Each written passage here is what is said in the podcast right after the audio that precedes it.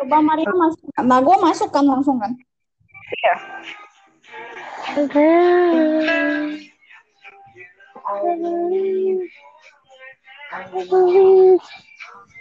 Bisa nih bertiga. Nah, ini bisa nih, bertiga. Tadi di gue cuma cuma menyambung menyambung aja, nggak terhubung.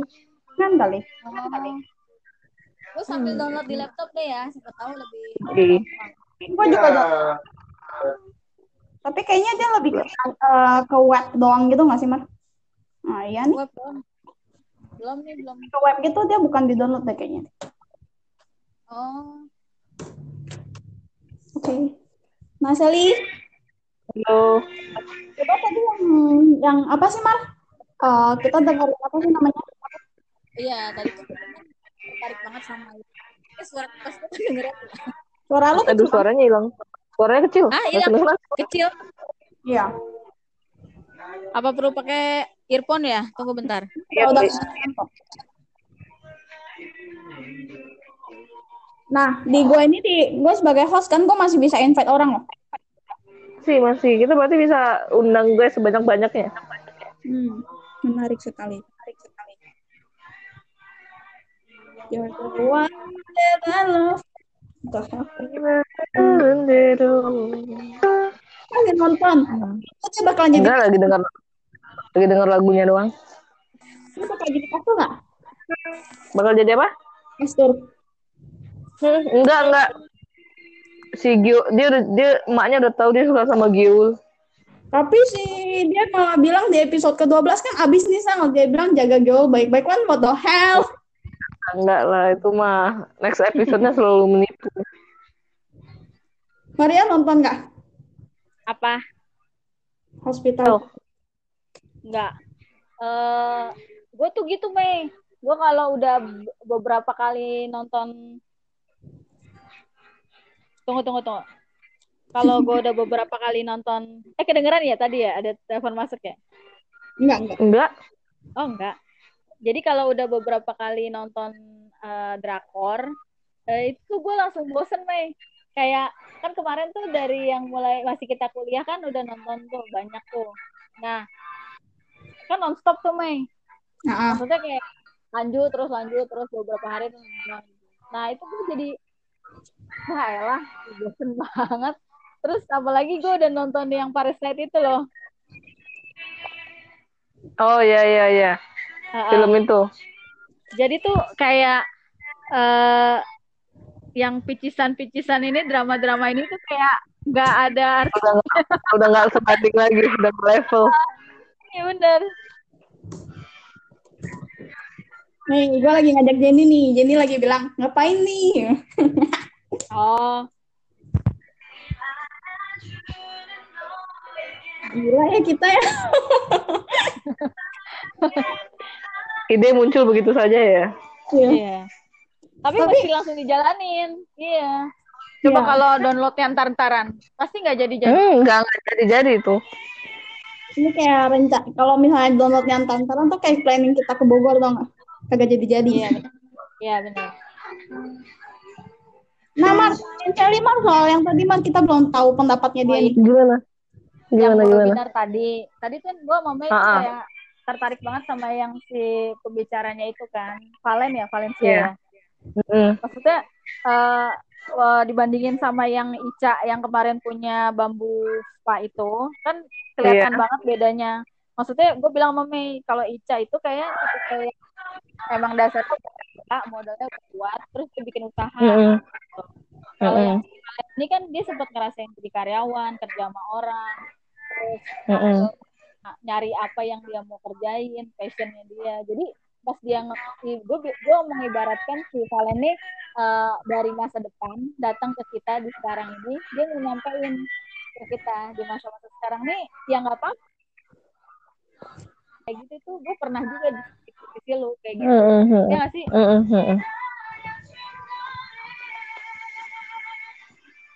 terus yang lu bilang itu saya Hmm. maksudnya eh, zaman zaman sekarang nih kan ada orang yang makanya dia bilang eh, jangan kita semangat ya kalau yang ngomong modelnya mungkin kayak Ica gak akan nyampe ke kita Iya. Kalau yang ngomong kalian karena kita tahu oh iya gue pernah ngerasain kayak kita udah tahu uh, struggle kita jadi ya ya jadi masuk gitu loh pesannya dia di masa sekarang kan kayak kita aja yang udah kerja masih belum tahu ke depannya kayak gimana kan Iya.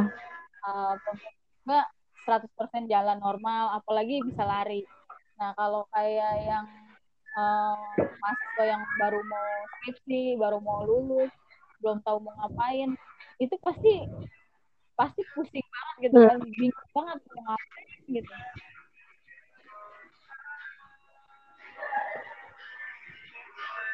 Suara gue putus-putus gak sih? enggak Aku baru ngomong kan. Makanya gue juga, gua juga lebih suka em, apa pembicaranya itu si Valen. Kayak misalnya gue ngeliat YouTube YouTube yang lain deh, kayak si Radit ngundang Putri Tanjung gitu. Gue tetap nggak terinspire dari Putri Tanjung karena tahu background bapaknya siapa gitu. Putri Tanjung Kayak kan? nggak re- iya iya, kayak nggak relate aja. Kayak ya ya ya lu fondasinya udah kuat gitu kan. Si Valen juga sebenarnya lebih better lah. Dia kuliahnya juga bagus di luar negeri tapi dia tuh nggak yang gimana yang kayak konglomerat banget yang kayak semuanya udah tersedia. Jadi kayak kalau dia cerita tuh kayak lebih memotivasi aja sih. Menurut gue kayak kita juga bisa kayak dia.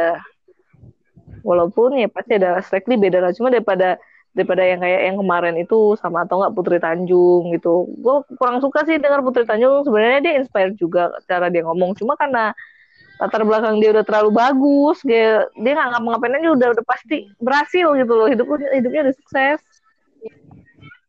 Iya, iya, mak itu yang gue bilang eh, effortnya orang yang ibaratnya gini, lu punya 10 eh, keping emas nih, sama lu bandingin sama orang yang cuma punya satu-satunya keping emas. Mm-mm. Nah, resikonya jelas beda dong. Mm-mm. Eh, terus effort effortnya juga beda. Terus kayak eh, lu bosen nih kalau lu punya modal banyak, lu bosen, lu nggak tahu prospek eh, pasar yang lu mau bangun itu kayak apa.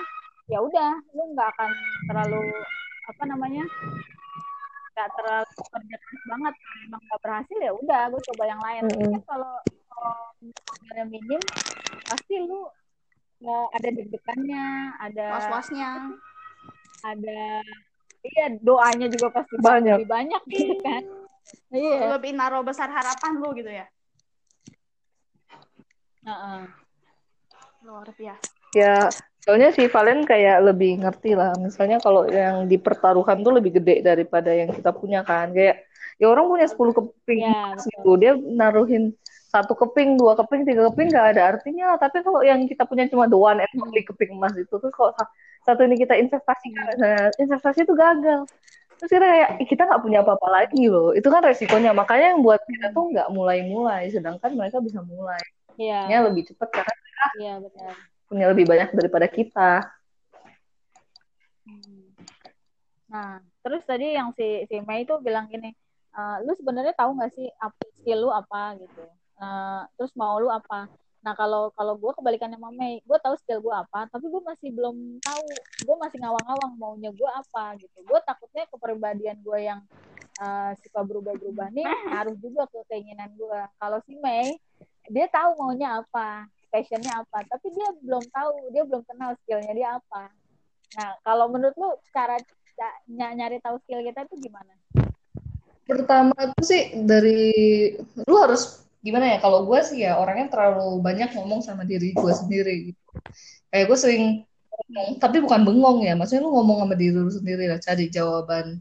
Lu sukanya apa sih saya ya, lu suka nonton film lu jadi apa di film itu. Ada nggak yang da- dari yang lu suka itu ada nggak yang kira-kira yang benar kata si Valen tadi kan? Bisa menghasilkan duit atau enggak tadinya kan gue pengen banget tuh jadi penulis film kan.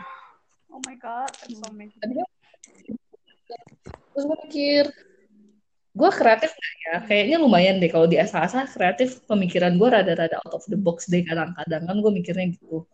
Terus tapi untuk jadi sebuah seorang penulis film kan kayak gue nggak punya pendidikan dasarnya kayak cara menulis film yang baik cara menulis skenario yang baik dan benar tuh kayak gimana. Nah itu yang bikin gue kayak ada gue kayaknya di film give up deh. Makanya sekarang passion gue tuh lebih ke iklan. Gue suka banget sama iklan kak. Kayak gue suka ngeliatin iklan Thailand kan. Di YouTube simple saya cuma ngeliatin iklan YouTube Thailand ngeliatin eh, story-nya mereka terus ngeliatin misalnya iklan di Indo komentarin aja iklannya di Indo kan. Itu yang bikin kayak kok bisa ya orang bikin iklan tuh menarik ini? Kok bisa orang bikin iklan tuh senorak ini? Kok bisa iklan ini tuh kayak membawa impact banget? Jadinya kita beli gitu kenapa bisa? Nah gue tuh lebih tertarik yeah. ke periklanan. Makanya gue mikirnya tuh kalau gue udah gak kerja di sini mungkin gue maunya masuknya di ini um, advertising atau broadcasting um, ya stasiun TV tim kreatif gue pengen banget di situ. Gue dulu mungkin karena lu tipikal yang lugas kali ya sih maksudnya gini kalau kayak skenario film tuh kan lu memperpanjang uh, film itu kan in, ah. intinya apa gitu? Intinya dua orang jatuh cinta terus ada hambatan-hambatan tapi terus mereka bisa ngatasin hambatan terus udah happy ending nah kalau misalkan lu tipikal yang uh, mungkin gak suka basa-basi terus lugas gue mau menyampaikan ini maunya orang jelas nyampainya ini hmm. gitu. Nah makanya lu uh, jatuhnya uh, apa kayaknya iklan tuh cocok ngena di lu karena oh iya dengan beberapa kalimat aja lu bisa sampaikan cuman masalahnya kalimat yang kreatif kayak apa yang orang bikin nempel terus aware terus gitu kan. Iya makanya kan di bidang-bidang kayak gitu kan rata-rata teamwork ya karena kan pikiran orang-orang beda-beda gitu. Gue gue yakin banget kita bertiga kan beda-beda nih pemikirannya. Kalau dikasih kerjaan misalnya gue idenya ini. Bisa jadi kakak idenya yang lain eh idenya yang lain. Akhirnya tuh kan bisa dikombin kan jadi lebih bagus. Kalau enggak cuma orang yeah. doang yang kerja kayak gue gue bisa bikin visual yang menarik bisa. Tapi gue nggak bisa bikin kata-kata yang menarik orang yang bikin engagement. Yeah. nah berarti kan butuh orang yang bisa itu uh. sih. Kayak lu harus lebih paham diri lu sendiri lagi lu sukanya apa. Terus kalau dari hobi-hobi jangan bilang hobi lu apa hobi gue cuma makan tidur. Itu kayak bukan jawaban orang yang bener-bener punya hobi. Setiap yeah. orang pasti punya hobi cuma lu males mikir aja lu suka apa. Atau enggak lu sukanya terlalu banyak. Gitu. yeah, benar. Kalau lu suka terlalu banyak ya udah lu kulik lagi dari yang lu suka-suka itu kira-kira mana sih yang menghasilkan atau enggak mana sih yang benar-benar bisa bikin lu mendapatkan penghasilan di situ? Kalau gua tuh gini sih kalau gua tuh kalau hmm, uh, ya. dari PPT yang tadi si Cici kasih itu ya. Mm kan what you love. Terus uh, mm what uh, yang bisa lu lak yang yang lu suka yang bisa lu lakuin. Nah gue tuh gue tahu apa yang gue suka. Gue suka travel. Terus mm -mm. yang dia bilang kan yang bisa benar-benar bikin lu lupa waktu kalau lu tuh harus ngapain-ngapain yang lain tapi lu ngabisin waktu lu di situ doang nah gue bisa gue suka banget sama travel mm tapi gue tuh nggak tahu gue tuh punya skill apa karena selama dia bilang yang orang bakalan nyari lu buat nanya soal ini ini ini ini nah nah selama ini tuh gue sampai sekarang nggak nemu-nemu nih apa yang bisa gue lakuin yang bisa bikin orang nyari ke gue gitu loh. Hmm. Jadi Se gue tuh sebenarnya tuh uh -huh. udah, udah sebelum sebelum ini lagi pas zaman zaman gue baru kelar SMA, gue tuh udah nyari nyari apa sih passion gue apa sih passion gue tapi sampai sekarang gue gak nemu. Sampai akhirnya kemakan waktu terus gue lupa. Kayak kayak apa ya kayak kayak orang yang ya udah gue jalan yang penting gue dapet duit kerjaan gue ja, uh, lancar gue nggak stres-stres banget dapat duit ya udah that's life gitu loh. Akhirnya gue ngerasa kayak gitu gitu kayak mikir ya udah itu loh hidup gitu loh mm -hmm. tapi sebenarnya kalau menurut gue ya bukannya lu lu suka travel tapi lu nggak tahu skill apa yang lu punya untuk mendukung travel lu itu.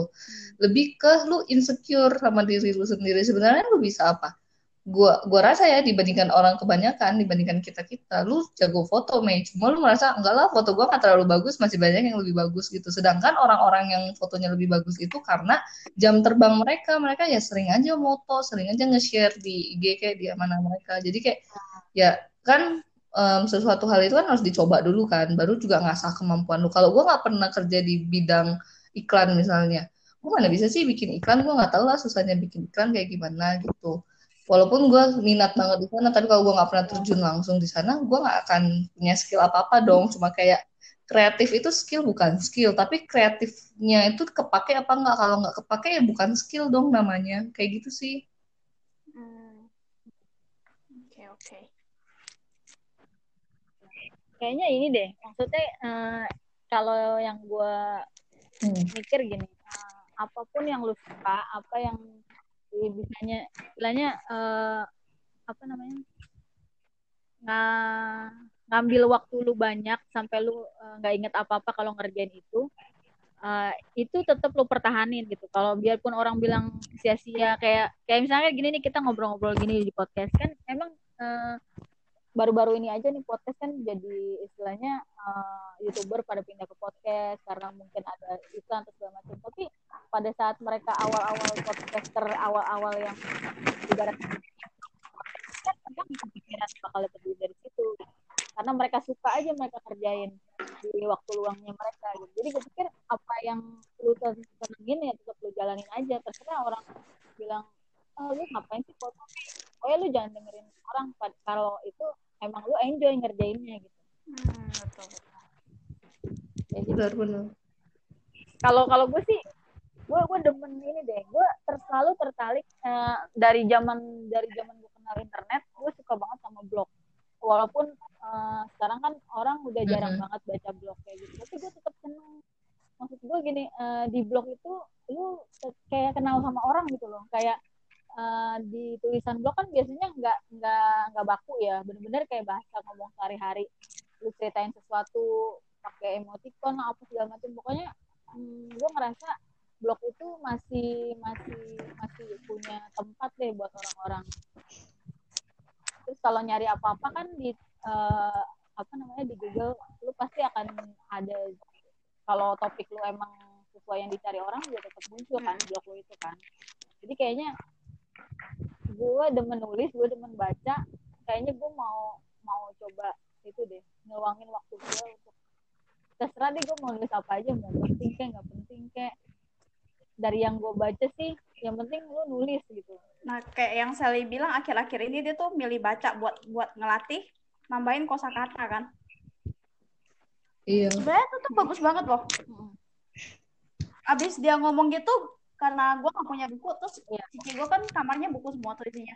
Gue langsung ngetek uh, ngechat cici gue gue tanya saya punya buku apa yang tentang pengembangan diri? Langsung kayak kepikiran tapi sekarang nggak direalisasikan gue cuma kepikiran setelah itu berhenti gitu loh. Nah ini yang susah nih. Kadang tuh orang tuh cuma kepikiran tapi nggak beneran dijalanin. Step pertama dia kepikiran dia bisa nyari yang awalnya apa. Setelah itu nggak dicari lagi nggak di nggak dilakuin tapi apa sih baca nulis itu hal yang bagus karena makin sering dilakukan ngelatih diri kita kan. Kalau kita sering baca buku ya otomatis kosakata kita banyak. Terus makanya kan penulis yang baik itu juga penulis yang banyak membaca kan. Jadi kalau banyak membaca pasti pas dituangkan yeah. ke tulisan juga lebih bagus. Nah yang Kak Mar bilang mau bikin blog itu sebenarnya bagus banget. Walaupun sekarang orang banyak kan um, kayak dengerin podcast atau nggak nonton YouTube tapi blog tetap dicari orang-orang kak contohnya kayak waktu tuh gue masih SMA ya kan um, dapat tawaran beasiswa PPA BCA tuh akhirnya kan nyari-nyari um, bahan dulu kan PPA BCA apa sih? Akhirnya search di Google yang keluar malah blog orang. Jadinya kita kayak baca cerita hidupnya dia loh gimana senengnya dia keterima di PPA BCA terus pengalaman dia um, di PPA BCA sampai dia kerja sampai dia ditawarin kerja tuh kayak gimana. Ujung-ujungnya sih orang blog itu walaupun dibilang ketinggalan tapi masih banyak minat orang yang baca gitu loh. Berasa sih blog masih bagus banget. Iya. Dan lebih dalam gitu pembahasannya karena lu nggak dibatasin apa apa hmm. gitu kan.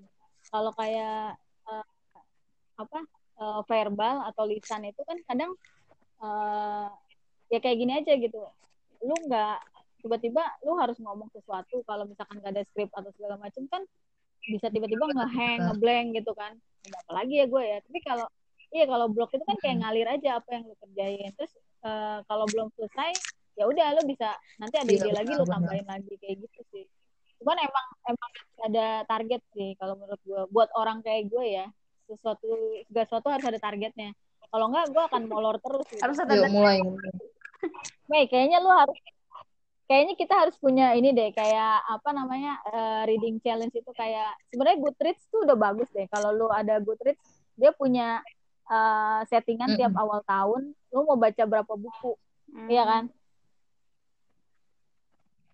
nah itu nanti setelah lu baca lu review lu kasih bintang berapa kayak gitu itu menarik sih kalau menurut gue apalagi kalau lu ada di komunitas misalkan kita nih bikin uh, satu grup uh, misalkan uh, grup kita pokoknya kita harus baca dalam setahun itu uh, 12 buku sebulan ibaratnya yeah. satu buku. Nah di buku itu nanti uh -uh, jadi kayak lu udah misalkan kalau kalau kita ada komunitasnya kan kita tahu kayak lu deh Mei fotografi kalau ada komunitas kan lebih enak kan lebih nyambung. Misalnya oh Sally aja udah baca tiga buku nih aku udah kelarin nih satu gitu terus bisa bisa bisa istilahnya bisa tahu juga oh nih buku layak baca nggak nih buku nggak layak baca nggak hmm, gara-gara lu pada ngomong gitu terus gue pikir kalau misalnya nanti gue lulus kuliah mungkin gue mau ngambil kesempatan buat gue beneran travel. Terus gue mungkin mau coba ngevlog atau gimana. Iya bener. YouTube itu kan iya, luas ya, lu nggak nggak bisa lah um, sehari upload langsung banyak viewersnya, tapi kan pasti ada aja yang nonton itu. Gue aja sering nyasar di YouTube orang yang masih baru-baru gitu kan, kayak tiba-tiba ada di beranda atau enggak lagi search apa yang keluarnya dia. Jadi kayak bener sih Tokopedia punya tagline mulai aja dulu. Oh iya, mulai aja dulu ya. Nah, gue mau tanya yeah. pendapat lu berdua nih, engkau gue. Mulai aja dulu. Dia itu kan sekarang kan lagi gila banget sama Tamiya hmm. nih Tahu Tamiya kan? Mm-hmm. Nah, Tau. dari awalnya dia cuma iseng beli oh. apa sih itu tempat balapannya tuh apa sih raknya gitu? Ya, wheelsnya. Ah, tracknya kan? benar tracknya. Ya, Sampai track. akhirnya sekarang ya, track. dia beli satu mobil 300, beli underdeal-nya 300, 300. Menurut gue yang nah dan dia tuh udah mulai mulai iseng-iseng bikin dia mulai iseng-iseng bikin YouTube gitu loh. Kenapa, Be? Hmm. Dia bilang, oh. kan suka banget sama Tamiya dan akhirnya dia kayak beli satu mobil yang berapa ratus ribu, terus dia unboxing gitu. Dia baru ngepost satu video pertama oh. sih dan karena oh.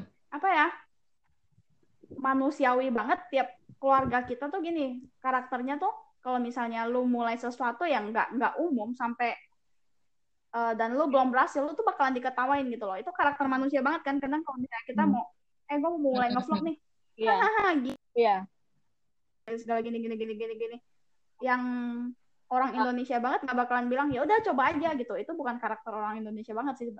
Nah bakalan dapat pertentangan dari orang rumah. Hmm. dan koko gue tetap jalanin menurut kalian? Hmm. karena dia suka. Nggak apa sih ya kayak gitu ya. Ya kan? Iya kalau misalkan kayak lu lu kan suka foto gitu maksud gua. Hmm, nggak perlu nggak perlu angkat ya ya pasti di atas kita pasti ada yang lebih bagus lah tapi bener yang dibilang seri lu posting aja foto aja gitu dari sekian banyak foto nanti yang lu posting itu ada yang notice ternyata fotografer hmm. nah kan lu nggak tahu iseng mah nggak apa-apa ya tapi menurut gua kok lu bagus banget tau Mei iya. begitu. Soalnya gimana ya? Gue sih nggak pernah search juga sih unboxing Tamiya, tapi gue yakin Tamiya itu juga ada peminatnya. Awalnya juga kan makeup itu nggak um, banyak diminatin orang ya, baru bermunculan beauty vlogger. Nah, akhirnya sampai sekarang kan semua orang jadi beauty vlogger tuh mendadak. Mm-hmm. Jadi kayak kita tuh harus memulai yang sebenarnya belum orang mulai. Walaupun memang pertama ini katain, ya apaan sih masa Tamiya doang di review, gue juga pas aja beli Tamiya gitu kan tapi gue rasa misalnya one day hmm. memang bener-bener ada semua pecinta Tamiya terus cowok-cowok kan kalau udah memang suka sama mainan kan kita nggak tahu ya. Mereka bisa aja ngeliatin unboxing Tamiya terus Tamiyanya di review apa. Ya gue rasa sih bakal sukses-sukses aja. Toh nge-youtube itu nggak ngerugiin siapa-siapa juga. Diri sendiri juga nggak rugi sih kalau nge-youtube kayak gitu nggak ada yang nonton. Kan kepuasan diri sendiri juga. Ya uh -uh kayak yang gue pernah ngeliat orang unboxing sambil mainin yang Gundam. Gundam tuh awalnya kan uh, apa sih kayak Lego ya, mm-hmm. yang dia harus ngerakit sendiri kan. Dan itu mahal gitu. Terus uh, walaupun nggak banyak peminatnya, tapi ada gitu. Dan itu rata-rata kalau komunitas yang hobi gitu, biasanya yang mereka emang dari kecil terus loyal gitu loh. Nah, koko gue tuh justru karena dia dari kecil sukanya sama Tamiya. Lagi kecil kan untuk harga yang berapa ratus gitu, orang tua gue ya mungkin mikir-mikir lah mau beliin ya. Terus sekarang karena dia udah punya uang sendiri, bukan punya uang sendiri sih ya Ah. mampu beli satu biji mampu gitu kan nah itu mulai beli karena dia di rumah doang juga gara-gara pandemi Kalau- ini gara-gara corona gini akhirnya dia beli beli beli beli yang menurut gue itu wasting juga sih kadang Tapi jangan-jangan koko lo itu mulai ngeposting gara-gara yang Oh, nyiptain si ya? Tamiya itu gue. meninggal ya, Mei? bisa jadi oh Oh, oh. baru-baru ini soalnya. Soalnya kan saudara gue banyak cowok. Jadi mereka cerita gitu. Udah gitu zaman kecil dulu emang Tamiya tuh ini Hmm. banget gitu kayak mainan orang kaya banget gitu kan. mungkin Iya nggak sih? dia baru Ah, tapi Tamiya memang mewah sih kalau yang asli. nah itu dia yang menurut gue tuh yang Heeh. yang menurut gue di tengah pandemi kayak gini mendingan duit lu tuh lu tuh simpen gitu iya karena tanah abang kan lagi ngebuka tuh terus lu beli beli mobil kayak gitu beli lap beli trek trek trekannya kan kayak lumayan lah lu buat nyimpen berapa juta, gitu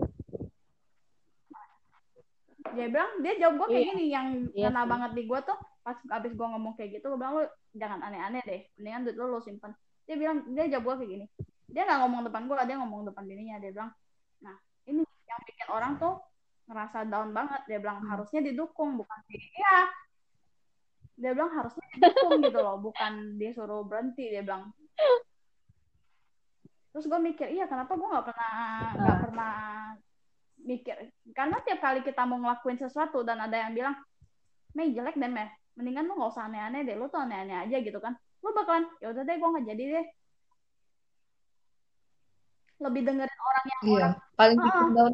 Iya, benar. yang lebih ngedengerin apa kata orang nggak bagus banget Mel padahal kalau misalnya ada yang bilang bukannya kita lapar sama pujian ya tapi kalau misalnya ada yang bilang meskipun dia bakalan bilang gini Mei ini tuh kurang bagus Mei tapi lu coba deh gini gini gini gini ngasih masukan mungkin kita akan coba improve diri kita sendiri Iya. gitu loh ada masukan Iya benar.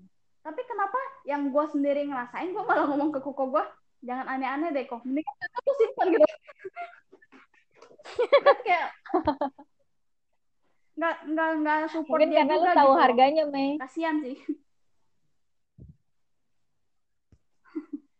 Iya karena mungkin lu tahu harganya. kayak abis gua ngomong abis dia abis gua ngomong terus dia komplain Eh, tapi- ke istrinya gue jadi kayak ngerasa bersalah sendiri gitu loh yang gua sendiri kalau mau ngelakuin apa-apa itu nanya pendapat orang dan akhirnya gua nggak ngerjain apa-apa gitu loh Hmm. Eh, tapi ya serius ya, gue gue bersyukur ngambil kelas Ukrida yang sekarang karena eh, kalau gue gue nggak tahu ya eh, kalau di kampus lain kelas karyawannya kayak apa, tapi kayaknya nggak nggak kayak kita deh. Soalnya temen gue yang di Mercu ya, itu kayak eh, heran gitu ngeliat gue tuh akrab sama anak-anak kampus gitu, sampai yang bisa deket gitu kan temenan ngobrolin kayak gitu. Eh, temen gue nih seumuran gue gitu. Gue ngerasa kalau gue nggak eh, istilahnya gue bersyukur gue masuk kenal kalian kayak gini-gini. Kalau kalau enggak gue pasti akan tua dan membosankan. Iya ya soalnya kan kayak waktu awal-awal masuk tuh gue bener-bener eh, maksudnya kalian pasti kan pemikirannya beda banget sama gue gitu kan. Maksudnya kalau gue mikir yang eh, udah amannya aja ya itu yang lo bilang Mei. Hmm. hidup kayak gini aja udahlah nggak usah neko-neko nggak aneh-aneh. Tapi ketemu eh, anak-anak yang istilahnya baru lulus SMA anak-anak yang lagi semangat semangatnya terus ternyata nggak seperti yang milenial yang ibaratnya kan di kantor gue ngebahasain kalian tuh anak-anak milenial kan. Karena mereka udah bu- Mm-mm. bu- apa baby boomers kan. Jadi eh, pasti ngelihatnya negatifnya melulu gitu. Nah karena gue gabung sama kalian dan eh, gue juga mau nggak mau harus ikutin eh, bukan yang ngikutin sih kayak mau nggak mau harus bisa adaptasi sama eh, gaya ngomong kalian gaya pikir kalian kayak gini-gini. Jadi gue mikir nggak melulu yang buruk-buruk kok nggak melulu yang dibilangnya hedon lah apalah gitu. Eh, selain suka ibaratnya selain suka belanja selain suka spend tapi juga mikir dari dari umur kalian yang masih muda itu kalian harus ngapain nih ke depannya gitu. Dan ide-idenya juga nggak mau sama kayak si generasi baby boomers ini gitu. Itu yang bikin gue ngerasa gue ada di uh, oh iya ya. Maria soalnya lu di lapangan kerja tuh semuanya baby boomer ya terus masuk kampus semuanya. Iya kebanyakan uh, hampir ya bisa dibilang 50% baby boomer sisanya ya udah 50% itu yang milenial tapi udah ngikutin baby boomers nih. Karena ada juga uh, ini teman kantor gue sendiri. Jadi dia tuh dia kelahiran tahun 94 atau 95 gitu. Dia tuh ide idenya dia uh, tujuan hidupnya itu habis sudah uh, udah punya kerjaan merit punya anak. Dia habis itu udah nggak mau ngapa-ngapain lagi. Gue bilang lu nggak mau S2 enggak. Gue udah nggak mau kuliah kata dia gitu. Maksud gue ya fine fine aja sih terserah orang yang mau ngapain. Cuman uh, kan dia sama gue lumayan jauh ya umurnya. Gue aja uh, masih mikir kenapa enggak? gitu kan zaman sekarang orang berkeluarga nggak ngebatasin tuh orang yeah. punya karir bagus punya pendidikan tinggi ya nggak sih tapi ada loh orang yang kayak gitu gitu ya nggak apa-apa sih sebenarnya ya seumur gue loh sayang gitu loh Mei uh -uh. gue buat buat kuliah iya, lagi sih gue nggak mau ya tapi setelah kita ngobrol sini sesuatu yeah. yang gue pikirin adalah setelah gue lulus uh, gue mau mau bener-bener mau coba mau huh. sekarang tuh tujuan gue yang pertama tuh gue cuma pengen ngumpulin duit buat modal gue buat travel. Ya. Nah itu satu lagi gue sih nggak permasalahin. Gue nggak tahu kenapa apa guanya yang uh, emang nggak suka hal-hal yang umum yang orang jalanin. Gue pengennya beda gitu ya. Karena gue mikir gini, uh, eh, gue suka traveling ke tempat-tempat yang baru, tempat-tempat yang uh, nggak semua orang ke sana gitu. Pokoknya tempat-tempat yang eksotik lah tempat-tempat yang punya nilai sejarah atau punya cerita gitu. Sedangkan kalau dia ini teman gue ini dia tuh nggak suka pergi ke dia mungkin orangnya nggak suka surprise atau apa ya dia kayaknya maunya tuh semua udah teratur. Gue ke tempat ini ke tempat ini. Uh, tempat yang udah emang oh. nyata-nyatanya orang bilang bagus destinasi wisata lah gitu. Sedangkan gue tipikal yang uh, gue mau ke tempat yang misalkan gue lihat di YouTube nih orang belum pernah jarang ke sini kayak gitu. Itu malah yang bikin gue tertarik yang gue bilang ada apa uh, lava lava adventure gitu loh Mei. Orang datang ke tempat yang cuma pengen ngeliat lava keluar. Kalau buat dia mungkin buang-buang duit banget sih lu gitu kan. Tapi itu buat gue tuh seru gitu. Sally gimana Sel? Kepuasan orang beda-beda sih ya. Kita nggak bisa ngejudge. Kayak Kamar suka yang yeah. lava-lava gitu Bener. ya kita nggak bisa ngejudge. Kalau kita nggak suka ya dia suka mau gimana gitu kan.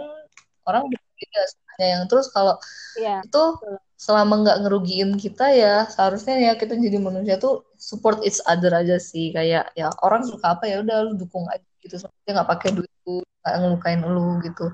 Gue rasa sih yang tadi kakak bahas sebelumnya yang milenial itu bedanya milenial sama baby boomer kerasanya itu milenial itu um, semangat juangnya tinggi banget sih walaupun terlalu ambis ya jadi ambisius banget tapi kayak hmm. semangat juangnya tuh tinggi anak-anak sekarang tuh mikirnya um, sebelum umur 30 harus punya ini sebelum umur 30 harus punya ini rumah harus punya mobil harus punya apa gitu yeah, kan yeah. harus punya usaha segala macam jadi kayak anak zaman sekarang tuh sebenarnya berat hmm. karena lingkungannya itu udah kayak orang sukses semua hmm. semua orang tuh sukses kayak kita ngeliat tuh oh di mana mana hmm. si ini sukses si itu sukses entah itu dari bapaknya atau itu dari usahanya sendiri terus kayak tekanan aja buat milenial gue harus bisa juga kayak gitu sedangkan baby boomer bi memilih hidup yang flat yang lebih datar yang lebih kalem padahal untuk dipikir lagi ke iya. depannya yeah. itu kan seberapa berusahanya kita nanti itu akan menentukan hidup kita di masa datang gitu. Misalnya gue berusaha banget nih sama hidup gue di umur 30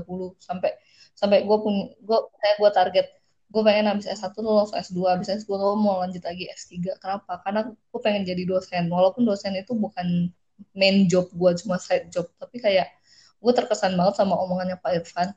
Bidang apa yang bisa hmm, kasih masa pensiun itu paling lama bidang pendidikan kan? Dia bilang. Nah di situ gue kayak pikir oh iya. Se nanti kalau misalnya gue udah jadi nenek-nenek pun kalau gue masih punya tenaga kayak misalnya seumuran Pak Bambang lah kalau Pak Bambang nggak nggak sering Hmm. lupa gitu kan kayak gue masih bisa Iya. ngajar orang gitu. Gue nggak bosen. Anak gue cucu gue nggak nggak ngeladenin gue atau misalnya mereka sibuk dengan urusannya masing-masing pun ya gue nggak feel yang kayak orang tua zaman sekarang kayak iya anak gue Iya. sibuk nggak ada waktu buat gue karena apa orang tuanya itu nggak punya kesibukan tapi kalau kita jadi orang tua punya kesibukan kita nggak akan Oh. Iya, bantuin iya, anak iya. kita sama- gara-gara kita gitu loh jadi em, as a human being ya kita punya kehidupannya masing-masing aja walaupun lu anak gua tapi ya lu bebas ngelakuin hidup lu dan gue bebas ngelakuin hidup gua gua nggak membatasi lu dan gue tetap happy dengan apa yang gue jalanin gitu loh jadi gue rasa pentingnya. Pendidikan sih ada juga. Cuma kalau orang yang memilih untuk tidak melanjutkan pendidikan juga sih gue no offense sih. Yang penting mereka tahu lah di masa tua mereka mereka mau ngapain. Iya, iya. jadi jangan alasan kayak lu jadi anak gak, gak berguna malah ninggalin nyokap di panti jompo atau apa. Sebenarnya ninggalin nyokap di panti jompo tuh udah pasti salah banget. Cuma kayak orang tua tuh banyak yang bawel kayak ma nih gue aja sekarang umur gue segini ya gue kayak Iya. gak pulang ke Medan. Orang tetangga gue bilang mau anak lu gimana sih ke Jakarta malah sombong gak ngurusin emaknya Bodoh Iya. kan. tau dong apa jodoh kata mak gue Oh. emangnya gue kenapa emangnya gue emangnya gue penyakitan sampai harus diurusin itu itu jawaban mak gue coba kalau mak gue kolot pemikirannya mak gue pasti bakal ngoceh kan ke gue Nenek kenapa sih nggak pulang udah gak peduli ya sama mama pasti kayak gitu Ya. Nah, Mm, Potensi. baper baper. Iya. Oh makanya ya di ini sih gue sekedar sharing sama teman-teman uh, seumuran gue yang uh, mereka udah ada di uh, posisi uh, generasi sandwich. Nah, gue kan beruntung gue belum gue ngerasa setelah dengar cerita mereka gue beruntung gue belum married dan belum punya anak ya. Karena jadi mereka ini posisinya sekarang kan uh, nggak semuanya uh, udah mencapai karir yang bagus kan. Ada juga yang mungkin masih struggle kayak gue istilahnya posisinya masih staff biasa gitu tapi sementara mereka udah punya anak mereka punya orang tua yang jadi tanggungan yang lu bilang itu saya nggak punya nggak tahu apa yang harus dilakukan di masa tuanya. Terus jadi mereka sedikit gitu kayak mereka mau melakukan jadi mereka eh, eh, yang gua ngerasain sih lebih banyak kayak eh, iri sama kehidupan orang-orang yang bebas gitu. Jadi kayak sama milenial juga bawaannya sewot sama teman mereka yang belum punya tanggungan juga bawaannya mm. jadi kayak ngerecokin gitu. Karena mereka merasa mereka menderita sendiri gitu. Gue harus satu sisi orang tua gue harus gue tanggung satu sisi anak gue juga harus gue pikirin. Terus uh, gue padahal dalam hatinya dia punya istilahnya keinginan yang belum diwujudkan gitu belum puas hidupnya gitu.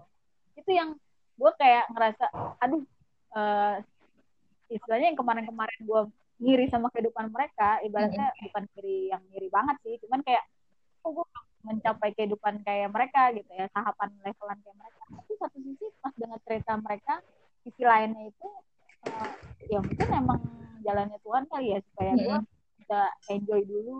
Ternyata apa yang kita lihat bagus ternyata Iya. nah ya belum tentu juga gitu kan. Kayak gitu itu sih emang pilihan sih. Tapi yang yang lo bilang sih bener sih Sel. maksudnya biarpun lu mau jadi apa pun ke depannya tapi lu tahu lu mau ngapain gitu. Dan seenggaknya hidup lu eh, sampai akhir tuh Mm, bermanfaat lah buat diri lu sendiri buat orang lain. Benar. Terus yang ngerepot tadi kakak bilang sih itu yang disebut orang sekarang jemputnya sandwich generation. Jadi kayak dia tuh kejepit di tengah-tengah kan kayak sandwich gitu kan. Ya satu sisi dia ngehidupin orang tuanya satu sisi Ah, dia iya. ngehidupin anaknya. Nah makanya gue tuh nggak masalah banget orang kalau mau nikah lama selama dia mapan itu menurut gue orang-orang Korea atau orang di luar yang nikahnya tuh umurnya ya udah lumayan nikah gue rasa itu bagus. Karena apa? Hah. berarti dia udah ngukur untuk orang tuanya udah cukup nih. Dia udah punya investasi gitu untuk orang tuanya udah cukup dan Iya. nanti kalau dia punya anak pun udah cukup baru dia nikah kan. Jadi dia nggak kejepit. Kalau sandwich generation kan kayak bawaannya stres. Aduh satu nih misalnya apalagi corona gini kan gaji lu dipotong Iya, betul. misalnya. Tapi lu harus nge- ngehidupin orang tua lu nih lu Hmm. harus ngehidupin anak lu juga. Pusing sih pasti pusing banget Hmm. Gue tuh kemarin iya nonton Benar. apa Mar? Ngomong Mar. iya benar Gue yang kemarin tuh mau mau, eh, nonton di YouTube. Gue nggak sengaja itu Nggak, apa Lanjut, Mei, lanjut, di timelinenya YouTube gue. Cuma dia eh, judulnya itu kalau nggak salah Inside the Window.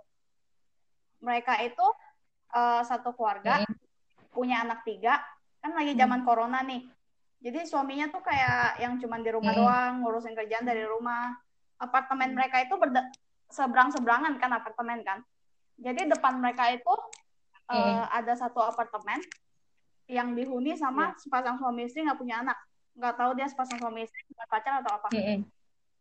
yang nggak sengaja si istri oh. ini kan punya anak tiga tuh otomatis yang stres berat terus waktu dia pulang dari pasar bawa anaknya tiga orang yang satunya berak yang satunya nggak tahu mau apa yang satunya masih bayi dan suaminya uh, kayak ngobrol sama teman ngomongin soal film di meja makan sambil minum bir uh, dan setelah istri istrinya tuh kayak kayak kesel gitu oh. dong kenapa harus gue yang selalu tiap hari kayak gini gini gini gini, gini. gue sibuk sendiri bla bla bla gitu kan di seberang mereka itu pas malam mereka nggak sengaja ngeliat hmm. pasangan itu tuh having sex yang bikin hmm. mereka itu ngerasa kayak wow mereka kenapa nggak tutup jendela gitu loh. Terus di besok malamnya pas malam Natalnya mereka keluarga uh, orang yang tinggal seberang apartemennya itu karena itu kan apa ya jadi kelihatan semua gitu loh. Orang yang seberang apartemennya itu bikin ngadain party dan ngundang banyak orang di rumahnya.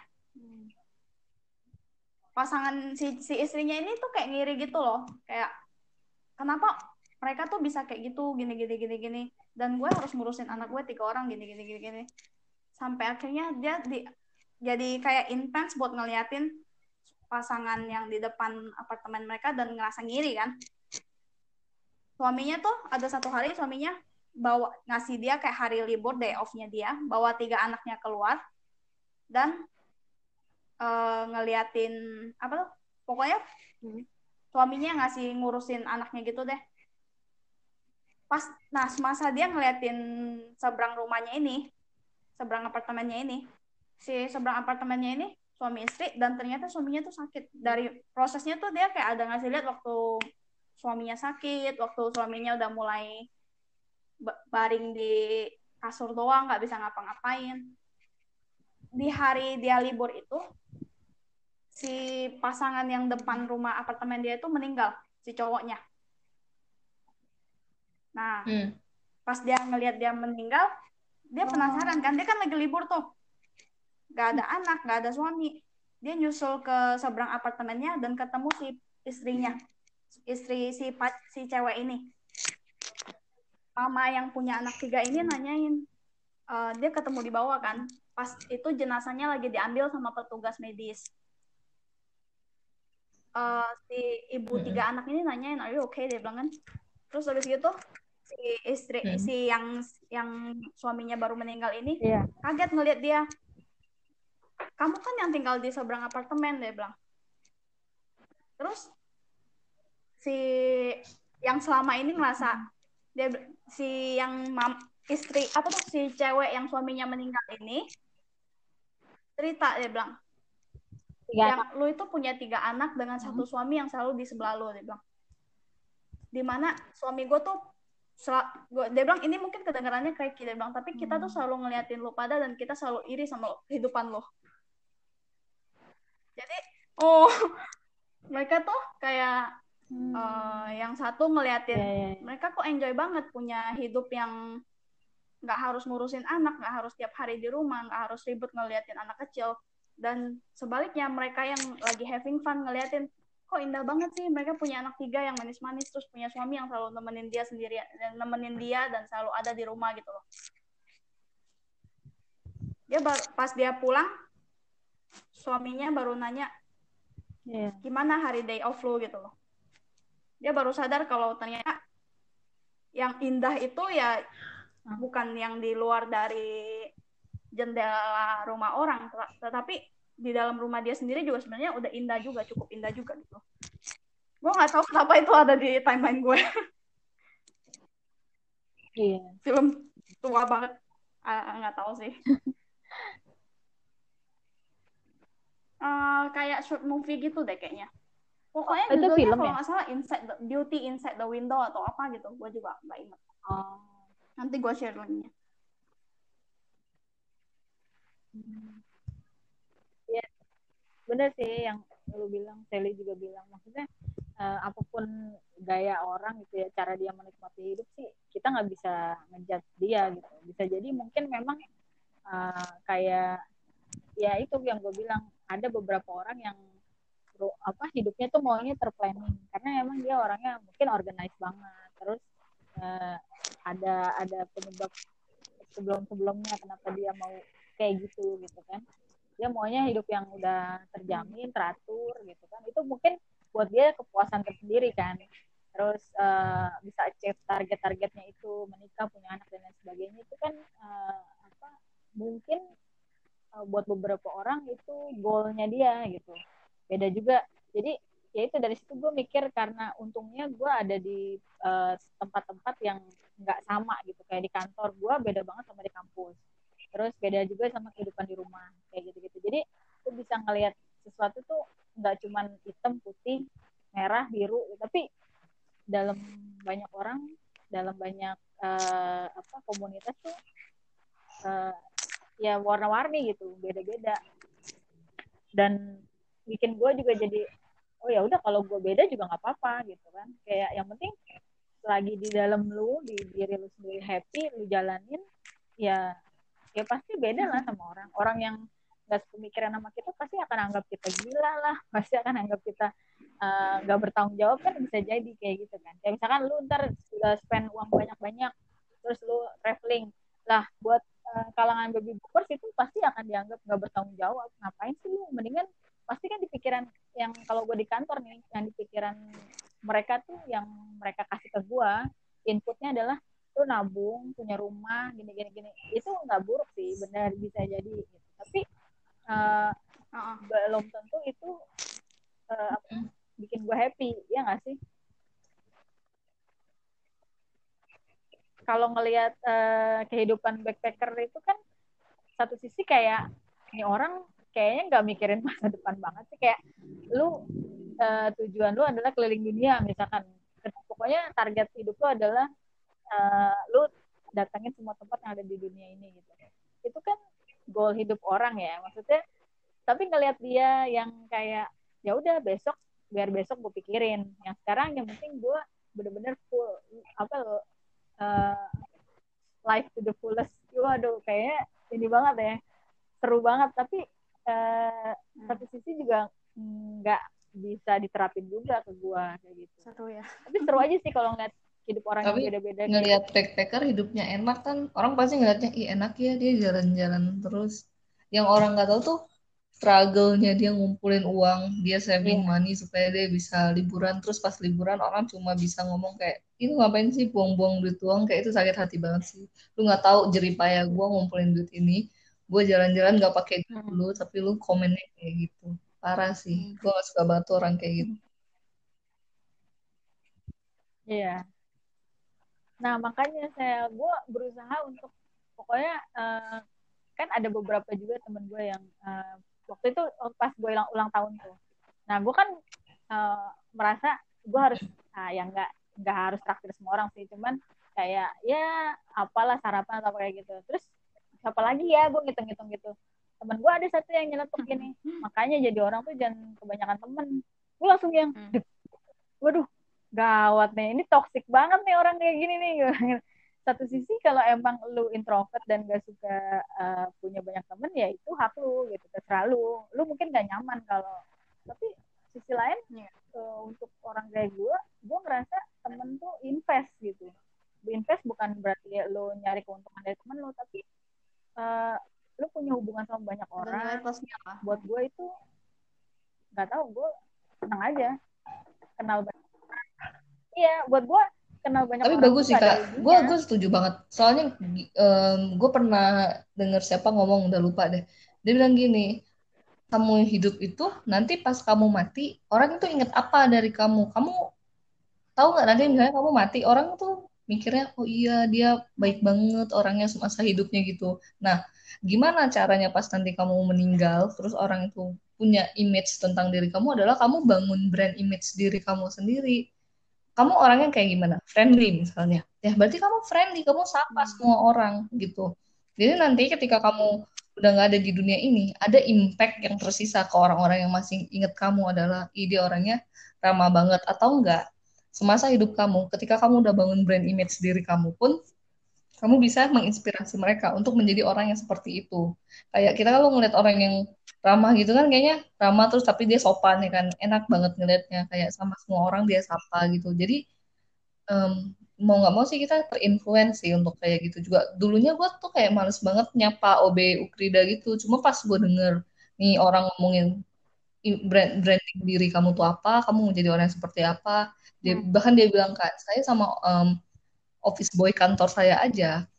Um, saya sapa dia ramah sama dia. One day ketika dia kesusahan ini beneran sih. Dia bilang ketika dia kesusahan hmm. kantornya kebanjiran dia nggak bisa pulang. Hmm. sekarang nggak ada gojek nggak nggak ada yang bisa kan nggak bisa yang nerobos jalannya kan. OB ini dong yang nganterin dia pulang. Benar kayak hmm. dia nanya sama OB ini kan rumah saya jauh loh kenapa kamu mau nganterin saya pulang? Terus kata si OB-nya iya soalnya hmm, kakak paling ramah sama saya di antara yang lain kakak paling baik kayak kakak tuh nganggep saya ada gitu yang lain kan hmm. cuma saya apa sih kak orang kecil gitu bener-bener kayak lu nggak kecil tapi hal kecil itu ya, ada ya. impactnya walaupun nggak langsung ya kayak ketika lu kesusahan atau apa bukannya kita mengharapkan ketika kita kesusahan ya. ada orang yang membantu tapi kalau lu nggak tahu lu nggak kenal siapa-siapa dan lu menjalani hidup menjadi orang yang jahat gua rasa nggak ada orang yang akan kecewa ketika kehilangan lu gitu loh. Kayak orang meninggal oh bagus deh akhir mati juga ah, tuh orang. Iya, karena ada orang yang begitu kan. Tapi kalau misalnya masa hidup lu baik kayak waktu lu meninggal tuh orang kayak bener-bener merasa kehilangan bener-bener merasa sedih dan shock gitu loh kayak jangankan lu kehilangan lu terjadi kecelakaan yang nimpah lu aja mereka pasti bakal kayak ya ampun kasihan banget orang sebaik ini loh ya kan. Pasti ada yang rasanya gitu. makanya gue rasa branding diri tuh penting banget kayaknya sih. ada buku yang kayak lu bilang itu dasar yang kalau nggak kok gue nggak inget judulnya pasti tapi kayak gue pernah judulnya siapa yang siapa yang nangis di hmm. pemakaman gue gitu loh ada bukunya tapi gue nggak gue hmm. gue belum baca ya cuman kayak gue pernah lihat judulnya yang kayak gitu gitu penasaran gak sih gue jadi pengen cari pengen gue pengen gue wah kita udah sejam lagi loh guys Nggak berasa ya ngobrol doang padahal. Iya, enaknya enaknya di talk iya. tuh kayak gitu. Gak iya, benar gak berasa. Tahu-tahu berarti kita uh, ngobrol itu dua jam. Iya. Totalnya pertama pas gua baru-baru mulai sama Maria kan satu jam. Terus ini kita ngobrol lagi. Tapi kalau di tengah hmm. apa, apa tuh uh, social distancing ini kayak gini tuh perlu banget tau. Iya. Really. Iya benar. Seenggaknya gini loh, lu inter interaksi tuh perlu loh. Apalagi uh, gue sih nggak nggak maksudnya gini uh, tipikal orang jenis apa pun ya mau extrovert introvert, lu harus punya introvert tuh hmm. pasti ada ada ada interaksinya kan sama orang yang emang sama-sama ngerti. Ya gak sih? Nggak mungkin orang tuh bener-bener uh, kalau emang bener orang bisa hidup sendiri ya buat-buat tapi dia akan tetap cari cara untuk nyalurin ininya dia gitu. Eksistensinya dia. Nggak bakalan. Eh, makanya sekarang kan kita hidupnya kayak gini nggak hidup di gua-gua kan. Tapi introvert sekalipun tetap butuh lah yang namanya ngobrol. Halo? introvert itu sebenarnya bukan suka ngobrol sih ya. Sebenarnya pandangan orang sama orang iya. introvert itu salah. Introvert itu cuma kayak mau akan keramaian kayak males aja kalau rame-rame atau nggak berisik-berisik. Tapi kalau misalnya kita ajak ngomong kayak gini pasti ya mereka bakal Mungkin mencurahkan isi hatinya aja. Ya. Orang kadang orang kadang kelihatannya kayak yeah. um, ekstrovert nih, tapi pas diajak benar-benar bisa terbuka apa yang dia pikirin dia jadi kayak walaupun dia ekstrovert di luar, tapi sebenarnya dia tuh nggak nggak cukup terbuka orangnya. Misalnya orang introvert itu tanpa harus ngomong ini itu ini itu dia udah langsung ngomong iya gue ada kejadian kayak gini dia langsung to the point apa yang dialamin gitu loh jadi gue rasa introvert sama ekstrovert itu bukan yang kayak orang cerita yeah. orang cerita banyak itu berarti ekstrovert orang cerita dikit itu berarti introvert. Enggak sih cuma kayak keadaannya aja. Kalau ekstrovert sukanya yang rame-rame party-party ya kalau introvert lebih baik di rumah yang kalem-kalem aja. Nah berjalannya usia. Dulu gue tuh gue harus mengakui kalau gue tuh ekstrovert banget yeah, tuh. Gue selalu suka intinya gue suka rame. Iya. tapi karena gue udah mulai berjalan usia dan gue mulai menua. Nah. Gue belakangan ini gue berasa kalau apain sih kayak gitu? Gue lebih suka semuanya. Ya kayak yang saya bilang tadi. Hmm? Oi. Sejak kenal. Hey. hey. semua berubah sejak Badan kenal jompo. Koyo ya. Oh gue Kalau lebih milih buat ya kayak gini. Gue mau hura-hura tapi ya dalam lingkup yang lebih kecil gitu. Terus kalau misalnya gue mau deep talk ya ya sama beberapa orang aja nggak sama semua orang gitu loh Ah, bener banget Sel. Iya. lucu ya kita ya. Itu juga ada gue sama pertemanan loh. Dulu pas gue belum pas pertemanan itu ngaruh banget. Pas gue masih anak reguler malam nih gue tuh kupu party. Kuliah pulang kuliah pulang malam party sumpah. Ah. kayak udah weekend Jumat Sabtu kan gue gak kuliah kan Ah. dulu. Jumat pulang balik Bogor tahan dong padahal besoknya kerja gitu. Kayak cuma ke Bogor bentar terus jam 6 pagi udah nyampe Jakarta lagi gue ada kerja lagi nggak tidur itu gue bisa. Tapi sekarang karena apa ya karena lingkungan gue mengajak untuk ngapain sih lu begitu ngapain sih lu merusak badan lu? Kenapa sih nggak dipakai hal yang lebih berguna aja ngapain ke Bogor pulang pergi cuma makan sate? Kan kayak jadi lebih mikir lagi iya ya ngapain nih gue ya? Terus kayak dulu dulu gue lumayan parah Mei Em, temen gue ngajakin ke bar ikut padahal gue nggak minum tapi gue cuma ngeliatin mereka minum terus gue rokok gitu gue mikir lagi sekarang ngapain ya gue Hmm. begitu tapi nggak ada yang disesalin lah maksudnya itu pengalaman kalau orang lain "Lu udah pernah ke sini ya gue udah pernah tapi Iya, gue nggak iya. mau gitu aja sih Iya. gue Mm-mm. Hmm. Iya, intinya sih serunya jadi lu ngerasa Hmm. hidup lu tuh penuh karena lu bisa milih gitu. Maksudnya lu nggak dikendalikan sama lingkungan, sama komunitas, walaupun mereka mempengaruhi, tapi uh, ujung-ujungnya Seru sih ya. ambil ya gue juga kalau misalnya gue kan. pernah Ikutin gue pernah gitu. mabok di Bandung sampai pokoknya gue nggak tahu gimana pas Ah. pulang gue depan tidur depan toilet hotel tapi kalau ditanya mau lagi nggak kayak gitu gue bakalan ngelakuin hal yang sama mungkin tapi nggak seintens itu kalau dulu gue bisa tiap minggu kayak gitu sekarang no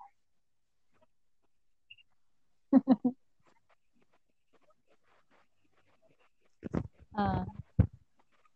Berarti gue gue termasuk yang ini ya. Gue gue nggak nggak nggak sampai ke situ sih. Ya itu dia tergantung pergaulan juga ya. Walaupun keluarga gue sepupu gue ada yang kayak gitu hobi ngebar kayak gitu gitu. Tapi tiap tiap diajakin gue nggak nggak minat. Mungkin karena emang gue nggak senang ke tempat kayak gitu. Apa? Hmm. Gue salah satu faktor utamanya sih gue alergi asap rokok. Itu yang itu yang menghalangi gue untuk ke tempat-tempat kayak gitu tapi kalau soal kehidupan malam yang gak berguna ya ya itu gue alamin gitu bisa bisanya besok kerja terus pulang hampir tiap hari tuh pulang Hmm, betul. jam 12 jam 12 gitu cuma buat duduk makan nongkrong ngobrol gitu doang gitu tapi ya bener yang dibilang Sally itu gue nggak sesalin sih karena eh, pengalaman ya pada masanya itu iya asik menarik banget banget gitu banget banget ya nggak sih Iya. Iya, pada masa itu tuh emang asik gitu. Tapi mungkin kalau sekarang disuruh kayak gitu lagi, mikir-mikir lagi gitu. Karena ya itu, udah faktor badan, terus juga mikir, kayaknya sekarang banyak hal yang harus gue kerjain deh. Gue juga mau berusaha olahraga, karena enggak, gue gak tahu sih. Gue pengen aja eh, umur-umur gue udah jompo tuh gue tetap bisa, seenggaknya nggak sakit lah. iya. Nggak sakit yang sampai ngerepotin gitu loh. Maksudnya biarpun kita tua Mm-mm. tapi kita masih bisa ya jalan ke mana-mana gitu. Nggak terhalang.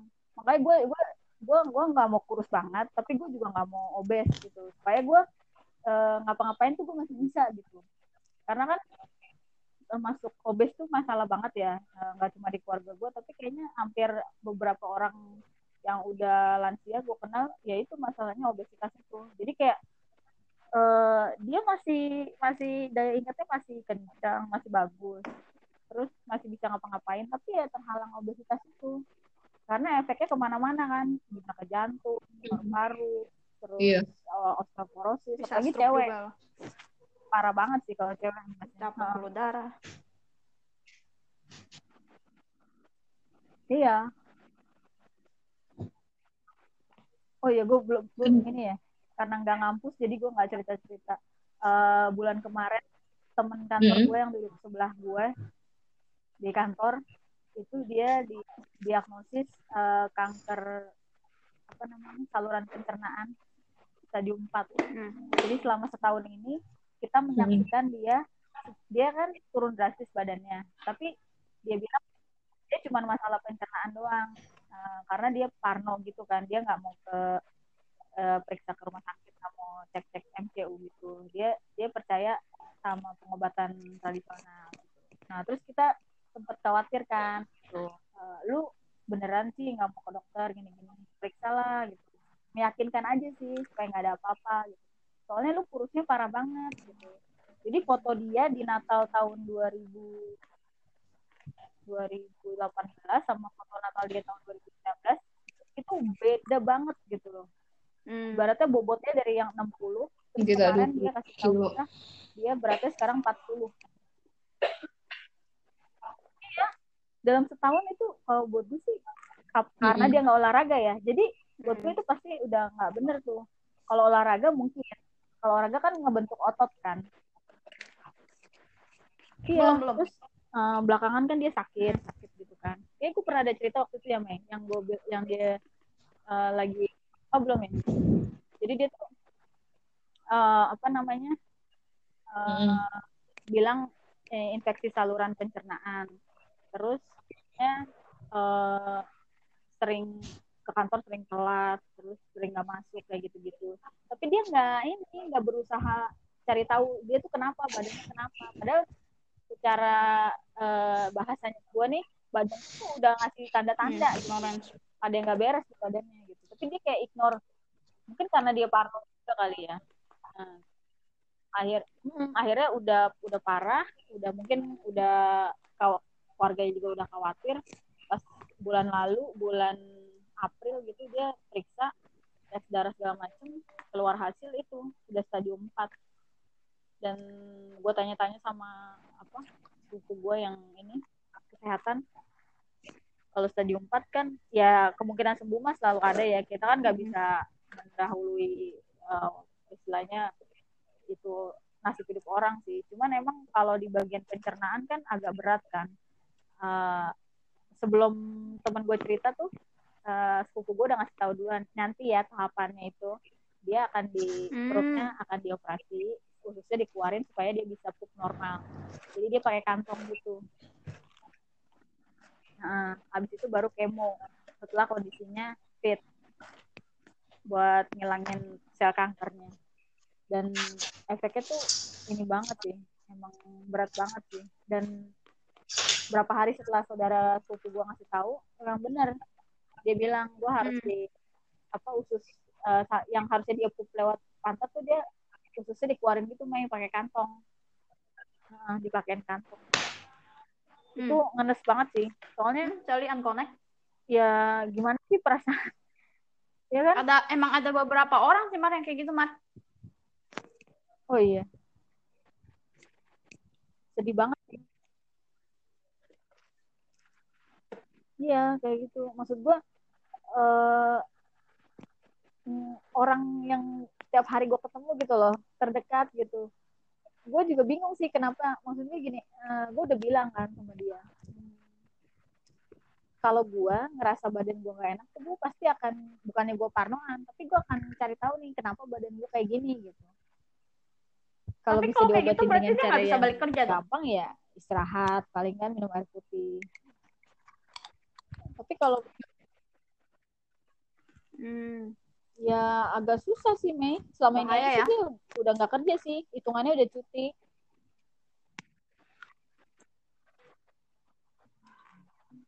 Iya. Masalahnya kalau sekarang bukan soal ini sih. Gue juga nggak tahu ya bibit kanker tuh dari mana. Cuman kayak dia tuh eh, apa namanya? Nggak Oh ini. dia nggak yang aneh-aneh gitu ya? Nah, hidup hidupnya tuh sehat Mei. Sehat banget malah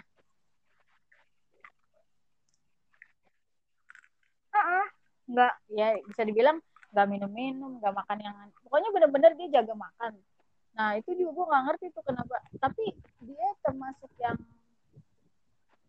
apa ya eh Parno sama rumah sakit gitu loh men jadi dia Ah. kayak eh, waktu kan gue Hmm. pernah demam berdarah terus Potong yang sampai gue iya. bodol parah itu kan gara-gara rontok tuh Mei yang akhirnya gue ah gue bondolin aja lah biar gue nggak stres ngeliat rambut gue rontok nah dia iya dia tuh langsung kayak keta padahal kan gue yang ngalamin dia yang ketakutan gitu kayak yang eh, apa namanya aduh lu kenapa lu nggak gini jadi dia, dia, dia parno duluan ngeliat gue kayak gitu gitu. Gue bilang enggak sih gue nggak ngerasa aneh-aneh cuman daripada gue tiap hari ngeliat rambut gue rontok gue mikir kalau pendek itu kan rambut akan lebih akar rambut akan lebih enteng gitu ketimbang rambut panjang kan. Sambil gue eh, cari pengobatan maksudnya eh, supaya rontok gue nggak terlalu parah gitu. Nah tapi gue kan nang- nanggepinnya santai. Gue mikirnya gini ya udah kalau misal pun gue rontok terus gue jadi botak ya udah gitu. Gue udah bisa nerima gitu loh. Walaupun ya gue nggak mau tapi gue ya udahlah gue ini aja gitu. Penting gue usaha gitu kan. Nah terus pas sekarang gue udah bener rambut gue terus Masih muda, Man. Iya iya lu udah bener ya Gini, iya gue nggak mau bawa ini Wah, udah nikah. nggak mau bawa eh, kelahiran tahun 80 Wah, Mei. untung. Dua delapan puluh berarti dia tiga puluhan lah ya, tiga puluh lebih lah ya. iya ada untungnya juga sih Yang ini kan ya berarti ya? Mm-mm. Ya udah oke. Ntar gue Iya, tadi dipublish aja Iya, nggak apa-apa ya gue share ke lu pada ya. Ah, ah. Bye bye. Thank you. udah lah udah sejam juga ya Mei Hmm.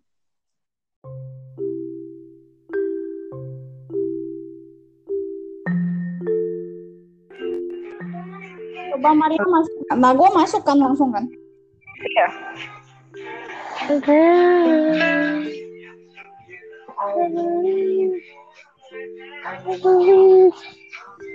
Bisa nih bertiga Nah, ini bisa nih, bertiga. Tadi di gue cuma cuma menyambung menyambung aja, nggak terhubung.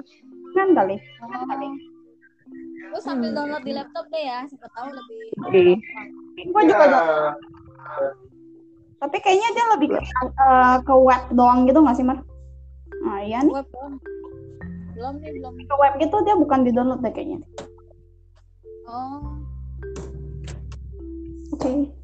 Mas Ali, Halo. coba tadi yang, yang apa sih, Mar? Eh, kita dengerin apa sih namanya? iya tadi tuh tertarik banget sama itu. Eh, suara pas tuh kedengeran Suara lu Aduh, kecil suaranya hilang. Suaranya kecil. Ah, hilang. kedengeran. kecil. Iya. Apa perlu pakai earphone ya? Tunggu bentar. Ya udah. Nah, di gue ini di gue sebagai host kan gue masih bisa invite orang loh. Sih, masih. Kita berarti bisa undang gue sebanyak-banyaknya. Hmm, menarik sekali. Menarik sekali. You're the one that I love. The fuck? Lagi nonton. Bakalan jadi Enggak, lagi dengar lagi dengar lagunya doang. lu bakal jadi kasur nggak? Bakal jadi apa? Kasur. Hmm, enggak, enggak. Si Gio, dia udah dia emaknya udah tahu dia suka sama Giul. Tapi si dia malah bilang di episode ke-12 kan abis nih sang dia bilang jaga gaul baik-baik kan what the hell? Enggak lah, itu mah next episode-nya selalu menipu. Maria nonton nggak? Apa? Hospital. Enggak. Eh, gue tuh gitu, Mei. Gue kalau udah beberapa kali nonton Tunggu, tunggu, tunggu. Kalau gue udah beberapa kali nonton Eh kedengeran ya tadi ya ada telepon masuk ya? Enggak, enggak. Enggak. Oh enggak. Jadi kalau udah beberapa kali nonton eh, drakor, eh, itu gue langsung bosen Mei. Kayak kan kemarin tuh dari yang mulai masih kita kuliah kan udah nonton tuh banyak tuh. Nah, kan nonstop tuh Mei. Nah, Maksudnya kayak lanjut terus lanjut terus beberapa hari. Nah itu tuh jadi wah elah bosen banget. Terus apalagi gue udah nonton yang Parasite itu loh. Oh iya iya iya. Ha-ha. Film itu. jadi tuh kayak eh yang picisan-picisan ini drama-drama ini tuh kayak nggak ada Udah nggak udah nggak sebanding lagi, udah ke level. artinya bener nih gue lagi ngajak Jenny nih Jenny lagi bilang ngapain nih oh. Gila ya kita ya. Ide muncul begitu saja ya? Iya. iya. Tapi, Tapi- mesti langsung dijalanin. Iya. Coba Iya. kalau downloadnya antar-antaran pasti nggak jadi jadi hmm nggak nggak jadi jadi itu ini kayak rencana kalau misalnya downloadnya antar-antaran tuh kayak planning kita ke Bogor nggak? Kagak jadi-jadi. Iya benar. Iya benar nah Mar yang Sally Mar soal yang tadi Mar kita belum tahu pendapatnya dia nih gimana yang gimana gimana webinar tadi tadi kan gue Ah, ah. kayak tertarik banget sama yang si pembicaranya itu kan Valen ya Valencia Iya. ya Mm-mm. maksudnya eh, eh, dibandingin sama yang Ica yang kemarin punya bambu spa itu kan kelihatan Iya. banget bedanya maksudnya gue bilang sama Mei kalau Ica itu kayak kayak emang dasarnya ah, modalnya kuat terus dia bikin usaha Mm-mm. gitu.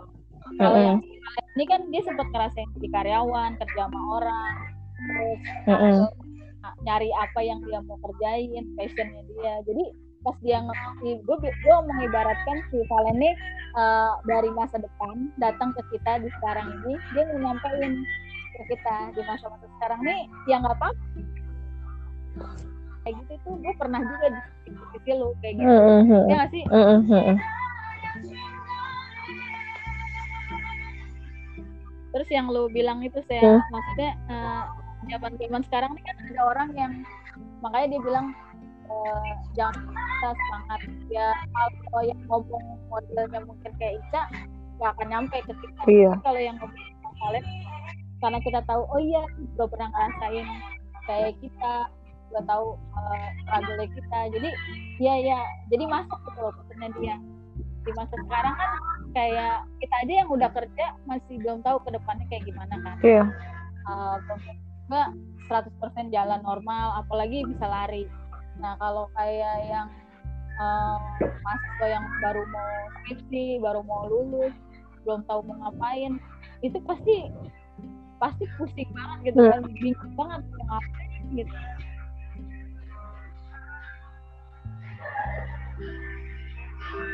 Suara gue putus-putus gak sih?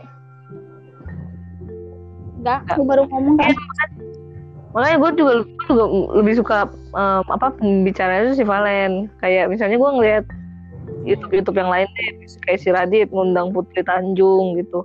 Gue tetap nggak terinspire dari Putri Tanjung karena tahu background bapaknya siapa gitu.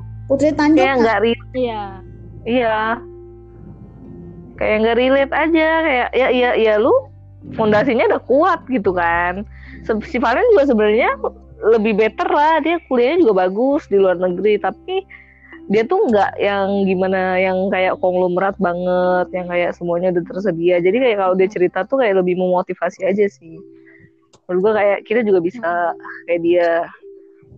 Walaupun ya pasti ada slightly beda lah cuma daripada daripada yang kayak yang kemarin itu sama atau enggak Putri Tanjung gitu. Gue kurang suka sih dengar Putri Tanjung. Sebenarnya dia inspire juga cara dia ngomong. Cuma karena latar belakang dia udah terlalu bagus dia dia nggak ngapa-ngapain aja udah udah pasti berhasil gitu loh. Hidup hidupnya udah sukses. Iya, iya, mak itu yang gue bilang eh, effortnya orang yang ibaratnya gini, lu punya 10 eh, keping emas nih, sama lu bandingin sama orang yang cuma punya satu satunya keping emas. Mm-mm, Nah, resikonya jelas beda dong. mm-mm. Eh, terus effort effortnya juga beda. Terus kayak eh, lu bosen nih kalau lu punya modal banyak, lu bosen, lu nggak tahu prospek eh, pasar yang lu mau bangun itu kayak apa. Ya udah, lu nggak akan terlalu apa namanya nggak terlalu kerja banget emang nggak berhasil ya udah gue coba yang lain Mm-mm. kan kalau kalau modalnya minim pasti lu nggak ada deg-degannya ada was-wasnya. Ada iya doanya juga pasti Banyak. lebih banyak gitu kan. Iya. Lebih naruh besar harapan lu gitu ya? Heeh. luar biasa. Ya soalnya si Valen kayak lebih ngerti lah. Misalnya kalau yang dipertaruhkan tuh lebih gede daripada yang kita punya kan. Kayak ya orang punya 10 keping Ya, gitu. dia naruhin satu keping dua keping tiga keping nggak ada artinya. Tapi kalau yang kita punya cuma the one and only keping emas itu tuh kalau sa- satu ini kita investasikan misalnya investasi itu gagal. Terus kita kayak kita nggak punya apa-apa lagi loh. Itu kan resikonya. Makanya yang buat kita tuh nggak mulai-mulai sedangkan mereka bisa mulai. Iya. nya lebih cepat karena mereka Iya benar. punya lebih banyak daripada kita. Nah, terus tadi yang si si Mei itu bilang gini, "Eh, lu sebenarnya tahu nggak sih skill lu apa? Gitu? Eh, terus mau lu apa? Nah kalau kalau gue kebalikannya sama Mei, gue tahu skill gue apa, tapi gue masih belum tahu, gue masih ngawang-ngawang maunya gue apa gitu. Gue takutnya kepribadian gue yang eh, suka berubah-berubah nih ngaruh juga ke keinginan gue. Kalau si Mei, dia tahu maunya apa, passionnya apa, tapi dia belum tahu, dia belum kenal skillnya dia apa. Nah, kalau menurut lu cara ca- ny- nyari tahu skill kita itu gimana? Pertama itu sih dari lu harus gimana ya kalau gue sih ya orangnya terlalu banyak ngomong sama diri gue sendiri gitu.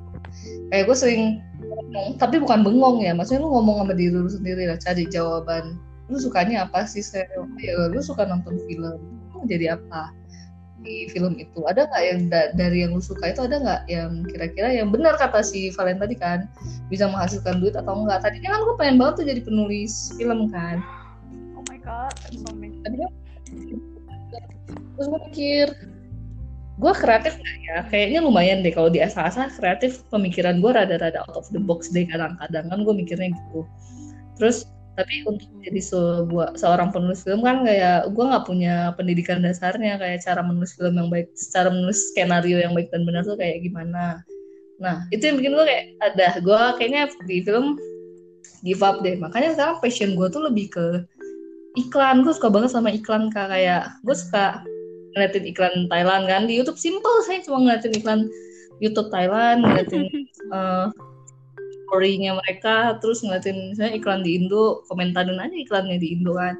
Itu yang bikin kayak kok bisa ya orang bikin iklan tuh menarik ini? Kok bisa ik- orang bikin iklan tuh senorak ini? Kok bisa iklan ini tuh kayak membawa impact banget? Jadinya kita beli gitu kenapa bisa? Nah gue tuh lebih tertarik ke periklanan makanya gue mikirnya tuh kalau gue udah gak kerja di sini mungkin gue maunya masuknya di ini em, advertising atau enggak Broadcasting, advertising. ya stasiun TV tim kreatif gue pengen banget di situ Gue dulu Mungkin karena lu tipikal yang lugas kali ya, Sel. Maksudnya gini, kalau kayak skenario film tuh kan lu memperpanjang eh, maksudnya film itu kan in- intinya apa gitu. Intinya dua orang jatuh cinta terus ada hambatan-hambatan tapi terus mereka bisa ngatasin hambatan terus udah happy ending. Nah, kalau misalkan lu tipikal yang eh, mungkin gak suka basa-basi terus lugas gue mau menyampaikan ini maunya orang jelas nyampainya ini Hmm. gitu nah, makanya lu eh, jatuhnya eh, apa kayaknya iklan tuh cocok ngena di lu karena oh iya dengan beberapa kalimat aja lu bisa sampein cuman masalahnya kalimat yang kreatif kayak apa yang orang bikin nempel terus wear terus gitu kan. Iya makanya kan di bidang-bidang kayak gitu kan rata-rata teamwork ya karena kan pikiran orang-orang kan beda-beda gitu. Gue gue yakin banget kita bertiga kan beda-beda nih pemikirannya. Kalau dikasih aku kerjaan misalnya gue idenya ini. Bisa jadi kakak idenya yang lain eh idenya yang lain. Akhirnya tuh kan bisa dikombin kan jadi lebih bagus. Kalau enggak cuma orang Iya. doang yang kerja kayak gue gue bisa bikin visual yang menarik bisa tapi gue nggak bisa bikin kata-kata yang menarik orang yang bikin engage ya Nah, berarti kan butuh orang yang bisa. Itu Ah. sih kayak lu harus lebih paham diri lu sendiri lagi, lu sukanya apa. Terus kalau dari hobi-hobi, jangan bilang hobi lu apa hobi gue cuma makan tidur. Itu kayak bukan jawaban orang yang bener-bener punya hobi. Setiap Iya. orang pasti punya hobi, cuma lu males mikir aja lu suka apa atau enggak lu sukanya terlalu banyak. ya benar Kalau lu suka terlalu banyak ya udah lu kulik lagi dari yang lu suka-suka itu kira-kira mana sih yang menghasilkan atau enggak mana sih yang benar-benar bisa bikin lu mendapatkan penghasilan di situ. kalau gue tuh gini Sam. Kalau gue tuh kalau hmm, eh, ya dari PPT yang tadi si Cici kasih itu ya, Mm-mm, kan what you love. Terus eh, mm-mm. what eh, yang bisa lu lak yang yang lu suka yang bisa lu lakuin. Nah gue tuh gue tahu apa yang gue suka. Gue suka travel. Terus Mm-mm. yang dia bilang kan yang bisa bener-bener bikin lu lupa waktu. Kalau lu tuh harus ngapain-ngapain yang lain tapi lu ngabisin waktu lu di situ doang. Nah gue bisa gue suka banget sama travel. Tapi gue tuh nggak tahu gue tuh punya skill apa. Karena selama dia bilang yang orang bakalan nyari lu buat nanya soal ini ini ini ini. Nah nah selama ini tuh gue sampai sekarang nggak nemu-nemu nih apa yang bisa gue lakuin yang bisa bikin orang nyari ke gue gitu loh Mm-mm. jadi Se- sebe- gue tuh sebenarnya tuh udah Ha-ha. udah sebelum sebelum ini lagi pas zaman zaman gue baru kelar SMA gue tuh udah nyari nyari apa sih passion gue apa sih passion gue tapi sampai sekarang gue nggak nemu sampai akhirnya kemakan waktu terus gue lupa kayak kayak apa ya kayak kayak orang yang ya udah gue jalan. Yang penting gue dapet duit. Kerjaan gue ja- eh, lancar. Gue nggak stres stres banget dapet duit. Ya udah that's life gitu loh. Akhirnya gue ngerasa kayak gitu gitu. Kayak mikir "That- ya udah itu loh hidup gitu loh. Mm-mm. Tapi sebenarnya kalau menurut gue ya bukannya lu lu suka travel tapi lu nggak tahu skill apa yang lu punya untuk mendukung travel lu itu. Lebih ke lu insecure sama diri lu sendiri. Sebenarnya lu bisa apa gua gua rasa ya dibandingkan orang kebanyakan dibandingkan kita kita. Lu jago foto Mei. Cuma lu merasa enggak lah foto gua nggak terlalu bagus masih banyak yang lebih bagus gitu. Sedangkan orang-orang yang fotonya lebih bagus itu karena jam terbang mereka mereka ya sering aja moto sering aja nge-share di IG kayak di mana mereka. Jadi kayak ya kan em, sesuatu hal itu kan harus dicoba dulu kan baru juga ngasah kemampuan lu. Kalau gua nggak pernah kerja di bidang iklan misalnya gua mana bisa sih bikin iklan? Gua nggak tahu lah susahnya bikin iklan kayak gimana gitu walaupun gua minat banget di sana tapi kalau gua nggak pernah terjun langsung di sana gua nggak akan punya skill apa apa dong. Cuma kayak kreatif itu skill bukan skill tapi kreatifnya itu kepake apa nggak? Kalau nggak kepake ya bukan skill dong namanya. Kayak gitu sih. Oke oke. Kayaknya ini deh. Maksudnya eh, kalau yang gue Hmm. mikir gini eh, apa pun yang lu suka apa yang bisanya istilahnya eh, apa namanya nga- ngambil waktu lu banyak sampai lu eh, nggak inget apa apa kalau ngerjain itu eh, itu tetap lu pertahanin gitu. Kalau biarpun orang bilang sia-sia kayak kayak misalnya gini nih kita ngobrol-ngobrol gini di podcast kan emang eh, baru-baru ini aja nih podcast kan jadi istilahnya uh, youtuber pada pindah ke podcast karena mungkin ada iklan segala macam. Tapi pada saat mereka awal-awal podcaster awal-awal yang ibarat kan mereka bisa pikiran bakal duit dari situ. Karena mereka suka aja mereka kerjain di waktu luangnya mereka gitu. Jadi gue pikir apa yang lu terjun ya tetap lu jalanin aja. Terserah orang bilang oh, lu ngapain sih foto pokoknya lu jangan dengerin orang pad- kalau itu emang lu enjoy ngerjainnya gitu. Jadi benar-benar kalau kalau gue sih gue gue demen ini deh. Gue ter, selalu tertarik eh, dari zaman dari zaman gue kenal internet gue suka banget sama blog. Walaupun eh, sekarang kan orang udah jarang Mhm. banget baca blog kayak gitu. Tapi gue tetap seneng. Maksud gue gini eh, di blog itu lu kayak kenal sama orang gitu loh. Kayak eh, di tulisan blog kan biasanya nggak nggak nggak baku ya. Bener-bener kayak bahasa ngomong sehari-hari. Lu ceritain sesuatu pakai emoticon apa segala macam. Pokoknya hmm, gue ngerasa blog itu masih masih masih punya tempat deh buat orang-orang. Terus kalau nyari apa-apa kan di eh, apa namanya di Google lu pasti akan ada. Kalau topik lu emang sesuai yang dicari orang juga tetap muncul kan blog lu itu kan. Jadi kayaknya gue demen nulis gue demen baca. Kayaknya gue mau mau coba itu deh ngeluangin waktu gue terserah deh gue mau nulis apa aja mau penting kayak nggak penting kayak. Dari yang gue baca sih yang penting lu nulis gitu. Nah, kayak yang Sally bilang akhir-akhir ini dia tuh milih baca buat buat ngelatih nambahin kosakata kan. iya. Sebenarnya itu tuh bagus banget loh. Abis dia ngomong gitu karena gue gak punya buku terus Iya. cici gue kan kamarnya buku semua tuh isinya. Gue langsung ngetek eh, ngechat di cici gue gue tanya, saya punya buku apa yang tentang pengembangan diri? Langsung kayak kepikiran, tapi sekarang nggak direalisasikan. gue cuma kepikiran setelah itu berhenti gitu loh. Nah ini yang susah nih. Kadang gue orang tuh cuma kepikiran tapi nggak beneran dijalanin. Step pertama dia kepikiran, dia bisa nyari yang awalnya apa. Setelah itu nggak dicari lagi, nggak di nggak dilakuin.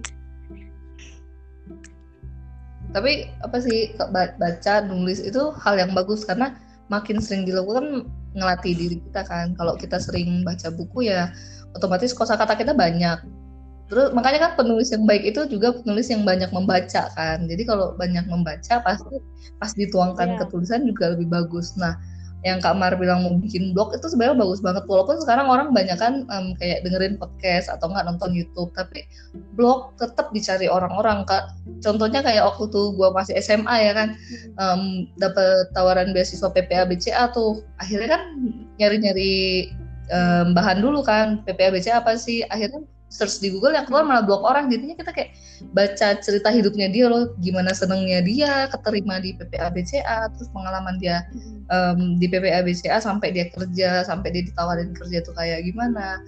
Ujung-ujungnya sih orang blog itu walaupun dibilang ketinggalan tapi masih banyak minat orang yang baca gitu loh. Berasa sih blog masih bagus banget. Iya dan lebih dalam gitu pembahasannya karena lu nggak dibatasin apa apa mm-hmm. gitu kan.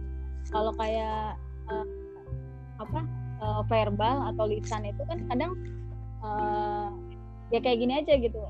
Lu nggak tiba-tiba lu harus ngomong sesuatu kalau misalkan gak ada skrip atau segala macam kan bisa tiba-tiba ngehang ngeblank gitu kan. Apalagi ya gue ya. Tapi kalau iya kalau blog itu kan kayak ngalir aja apa yang lu kerjain. Terus uh, kalau belum selesai ya udah lo bisa nanti ada iya, ide lagi lo tambahin lagi kayak gitu sih.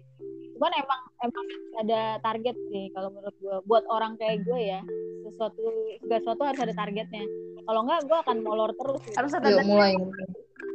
Mei kayaknya lo harus kayaknya kita harus punya ini deh kayak apa namanya uh, reading challenge itu kayak sebenarnya Goodreads tuh udah bagus deh. Kalau lo ada Goodreads dia punya uh, settingan mm -hmm. tiap awal tahun lo mau baca berapa buku. Mm. iya kan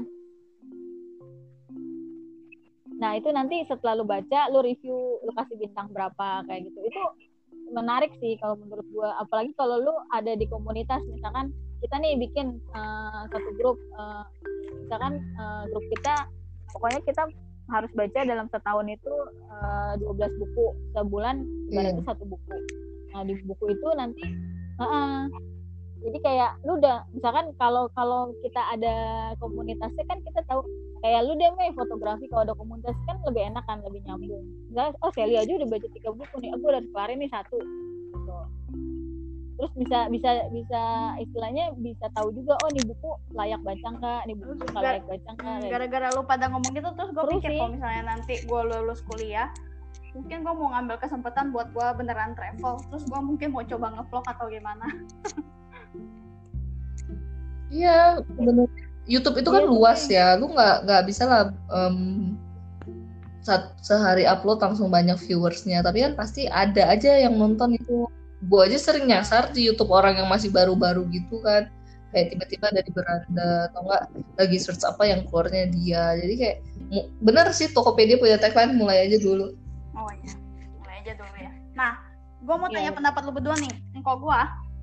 Dulu. Dia itu kan sekarang kan lagi gila banget sama Tamiya nih tahu Tamiya kan mm-hmm. nah Tau. dari awalnya dia cuma iseng beli apa sih itu tempat balapannya tuh apa sih raknya gitu ya wheelsnya ah, tracknya kan? benar tracknya ya, sampai track. akhirnya sekarang ya, track. ya beli satu mobil 300 beli underdealnya cuma 300 300 menurut gue yang nah dan dia tuh udah mulai mulai iseng-iseng bikin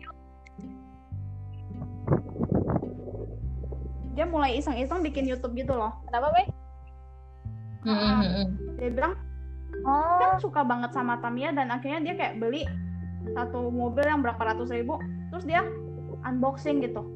Dia baru ngepost satu video pertama sih dan karena apa ya manusiawi banget tiap keluarga kita tuh gini karakternya tuh kalau misalnya lu mulai sesuatu yang nggak nggak umum sampai uh, dan lu belum berhasil lu tuh bakalan diketawain gitu loh. Itu karakter manusia banget kan karena kalau misalnya kita mau eh gue mau mulai ngevlog nih. Iya. Iya. Segala gini gini gini gini gini. Yang orang Indonesia banget nggak bakalan bilang ya udah coba aja gitu. Itu bukan karakter orang Indonesia banget sih. Nah bakalan dapat pertentangan dari orang rumah hmm. dan koko gue tetap jalanin menurut kalian? Karena dia suka nggak apa sih ya kayak gitu ya ya kan? Iya kalau misalkan kayak lu lu kan suka foto gitu maksud gua. Hmm, nggak hmm, perlu nggak perlu angkat ya ya pasti di atas kita pasti ada yang lebih bagus lah. Tapi bener yang dibilang Seri lu posting aja foto aja gitu. Dari sekian banyak foto nanti yang lu posting itu ada yang notice ternyata fotografer. Hmm. karena kan lu nggak tahu. Iseng mah nggak apa-apa ya Tapi menurut gua koko lu bagus banget tau Mei Iya. begitu. Soalnya gimana ya? Gue sih nggak pernah search juga sih unboxing Tamiya. Tapi gua yakin Tamiya itu juga ada peminatnya. Awalnya juga kan makeup itu nggak banyak diminatin orang ya. Baru bermunculan beauty vlogger. Nah akhirnya sampai sekarang kan semua orang jadi beauty vlogger tuh mendadak. Mm-mm. Jadi kayak kita tuh harus memulai yang sebenarnya belum orang mulai. Walaupun memang pertama ini katain, ya apaan sih masa Tamiya doang di review. Gue juga pas aja beli Tamiya gitu kan. Tapi gue rasa misalnya one day Nah. memang bener-bener ada semua pecinta Tamiya terus cowok-cowok kan kalau udah memang suka sama mainan kan kita nggak tahu ya. Mereka bisa aja ngeliatin unboxing Tamiya terus Tamiyanya di review apa. Ya gue rasa sih bakal sukses-sukses aja. Toh nge-youtube itu nggak ngerugiin siapa-siapa juga. Diri sendiri juga nggak rugi sih kalau nge-youtube kayak gitu nggak ada yang nonton. Kan kepuasan diri sendiri juga. Ya Heeh. Kayak yang gue pernah ngeliat orang unboxing sambil mainin yang Gundam. Gundam tuh awalnya kan eh, apa sih kayak Lego ya? Mm-mm. yang dia harus merakit sendiri kan? Dan itu mahal gitu. Terus eh, walaupun nggak banyak peminatnya tapi ada gitu. Dan itu rata-rata kalau komunitas yang hobi gitu biasanya yang mereka emang dari kecil terus loyal gitu loh Nah, koko gue tuh justru karena dia dari kecil sukanya sama Tamiya. Lagi kecil kan untuk harga yang berapa ratus gitu, orang tua gue ya mungkin mikir-mikir lah mau beliin ya. Terus sekarang karena dia udah punya uang sendiri, bukan punya uang sendiri sih ya Ah. mampu beli satu biji mampu gitu kan. Nah, itu mulai beli. Karena dia di rumah doang juga gara-gara pandemi ini gara-gara corona gini akhirnya dia beli beli beli beli yang menurut gue itu wasting juga sih kadang tapi jangan-jangan koko lo itu mulai ngeposting gara-gara yang oh nyiptain meninggal si ya Tamiya itu meninggal ya Mei bisa jadi oh, Oh, oh. baru-baru ini soalnya. Soalnya kan saudara gue banyak cowok. Jadi mereka cerita gitu. Udah gitu zaman kecil dulu emang Tamiya tuh ini banget gitu kayak mainan orang kaya banget gitu kan. mungkin gak sih? Dia baru Ah, tapi Tamiya memang mewah sih kalau yang asli. Nah itu dia yang menurut gue tuh yang yang menurut gue di tengah pandemi kayak gini mendingan duit lu tuh lu tuh simpen gitu. Iya karena tanah abang kan lagi ngebuka tuh. Terus lu beli beli mobil kayak gitu beli lapa beli trek trek trekannya kan kayak lumayan lah lu buat nyimpen berapa juta gitu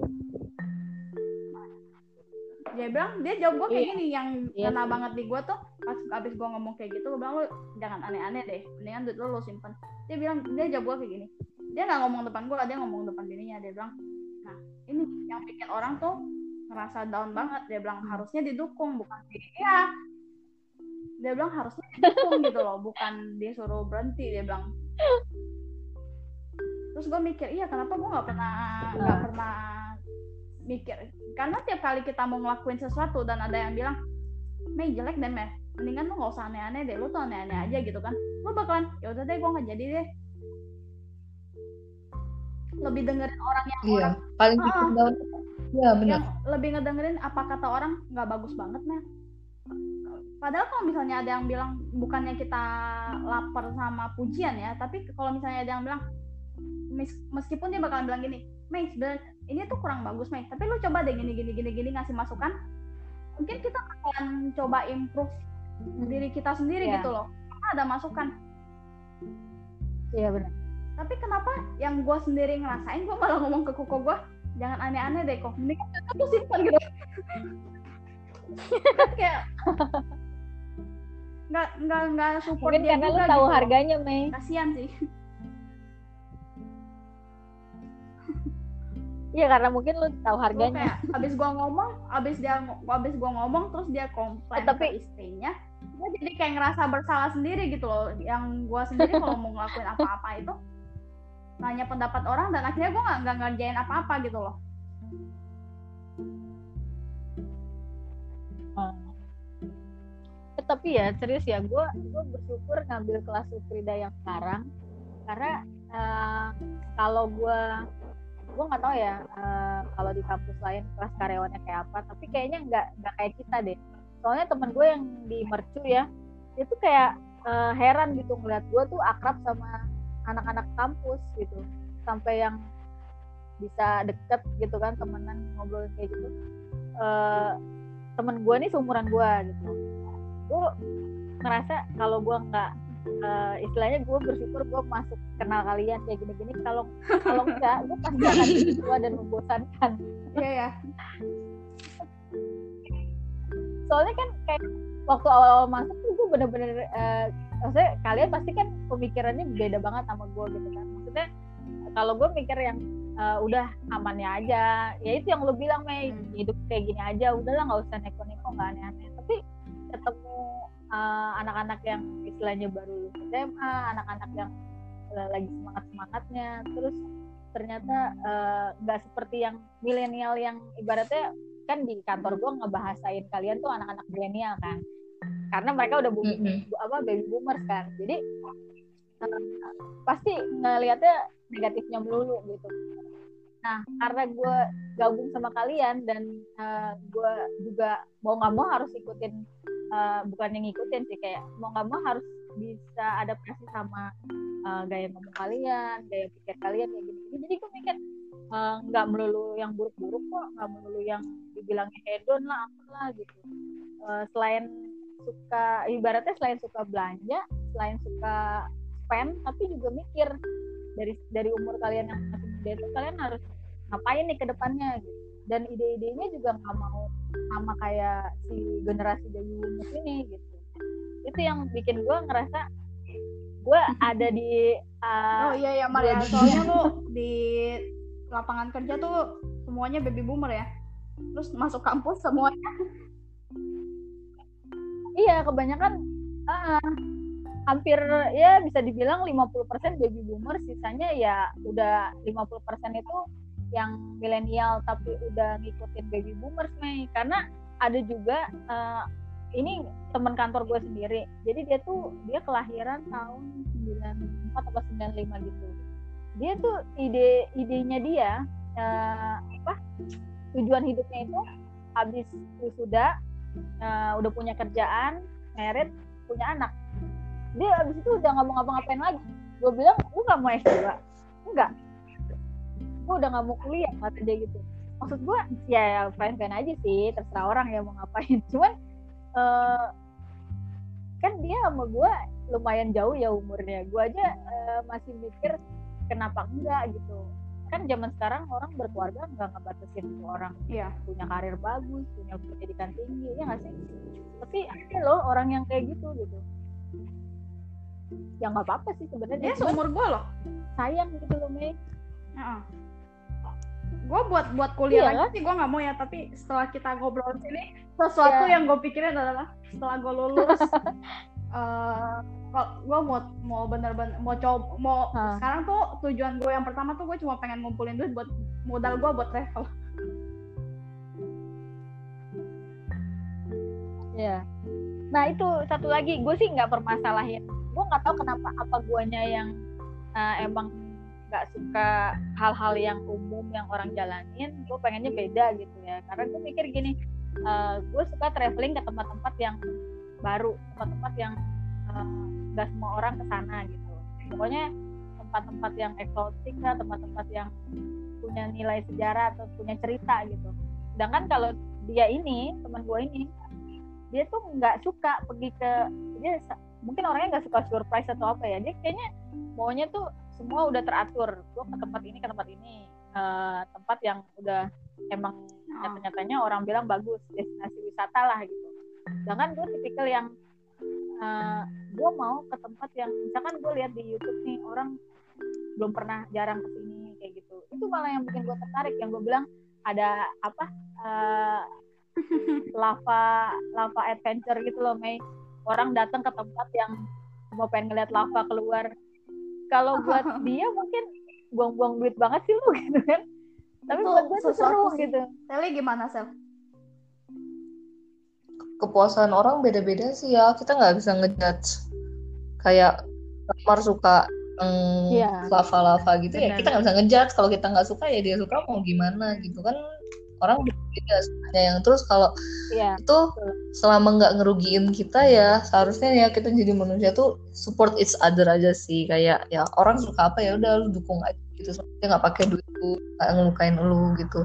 Gue rasa sih yang tadi kakak bahas sebelumnya yang milenial itu bedanya milenial sama baby boomer kerasanya itu milenial itu em, semangat juangnya tinggi banget sih. Walaupun terlalu ambis ya ambisius banget. Tapi kayak Hmm. semangat juangnya tuh tinggi anak-anak sekarang tuh mikirnya em, sebelum umur 30 harus punya ini sebelum umur 30 harus punya ini rumah harus punya mobil harus punya apa gitu Iya, kan iya. harus punya usaha segala macam jadi kayak anak zaman sekarang tuh sebenarnya berat karena lingkungannya itu udah kayak orang sukses semua Hmm. semua orang tuh sukses kayak kita ngeliat tuh oh di mana mana Hmm. si ini sukses si itu sukses entah itu dari bapaknya atau itu dari usahanya sendiri terus kayak tekanan aja buat milenial. Gue harus bisa juga kayak gitu. Sedangkan baby boomer bi memilih hidup yang flat yang lebih datar yang lebih kalem. Padahal untuk dipikir lagi ke Iya. depannya itu kan seberapa berusahanya kita nanti itu akan menentukan hidup kita di masa datang gitu. Misalnya gue berusaha banget nih sama hidup gue di umur 30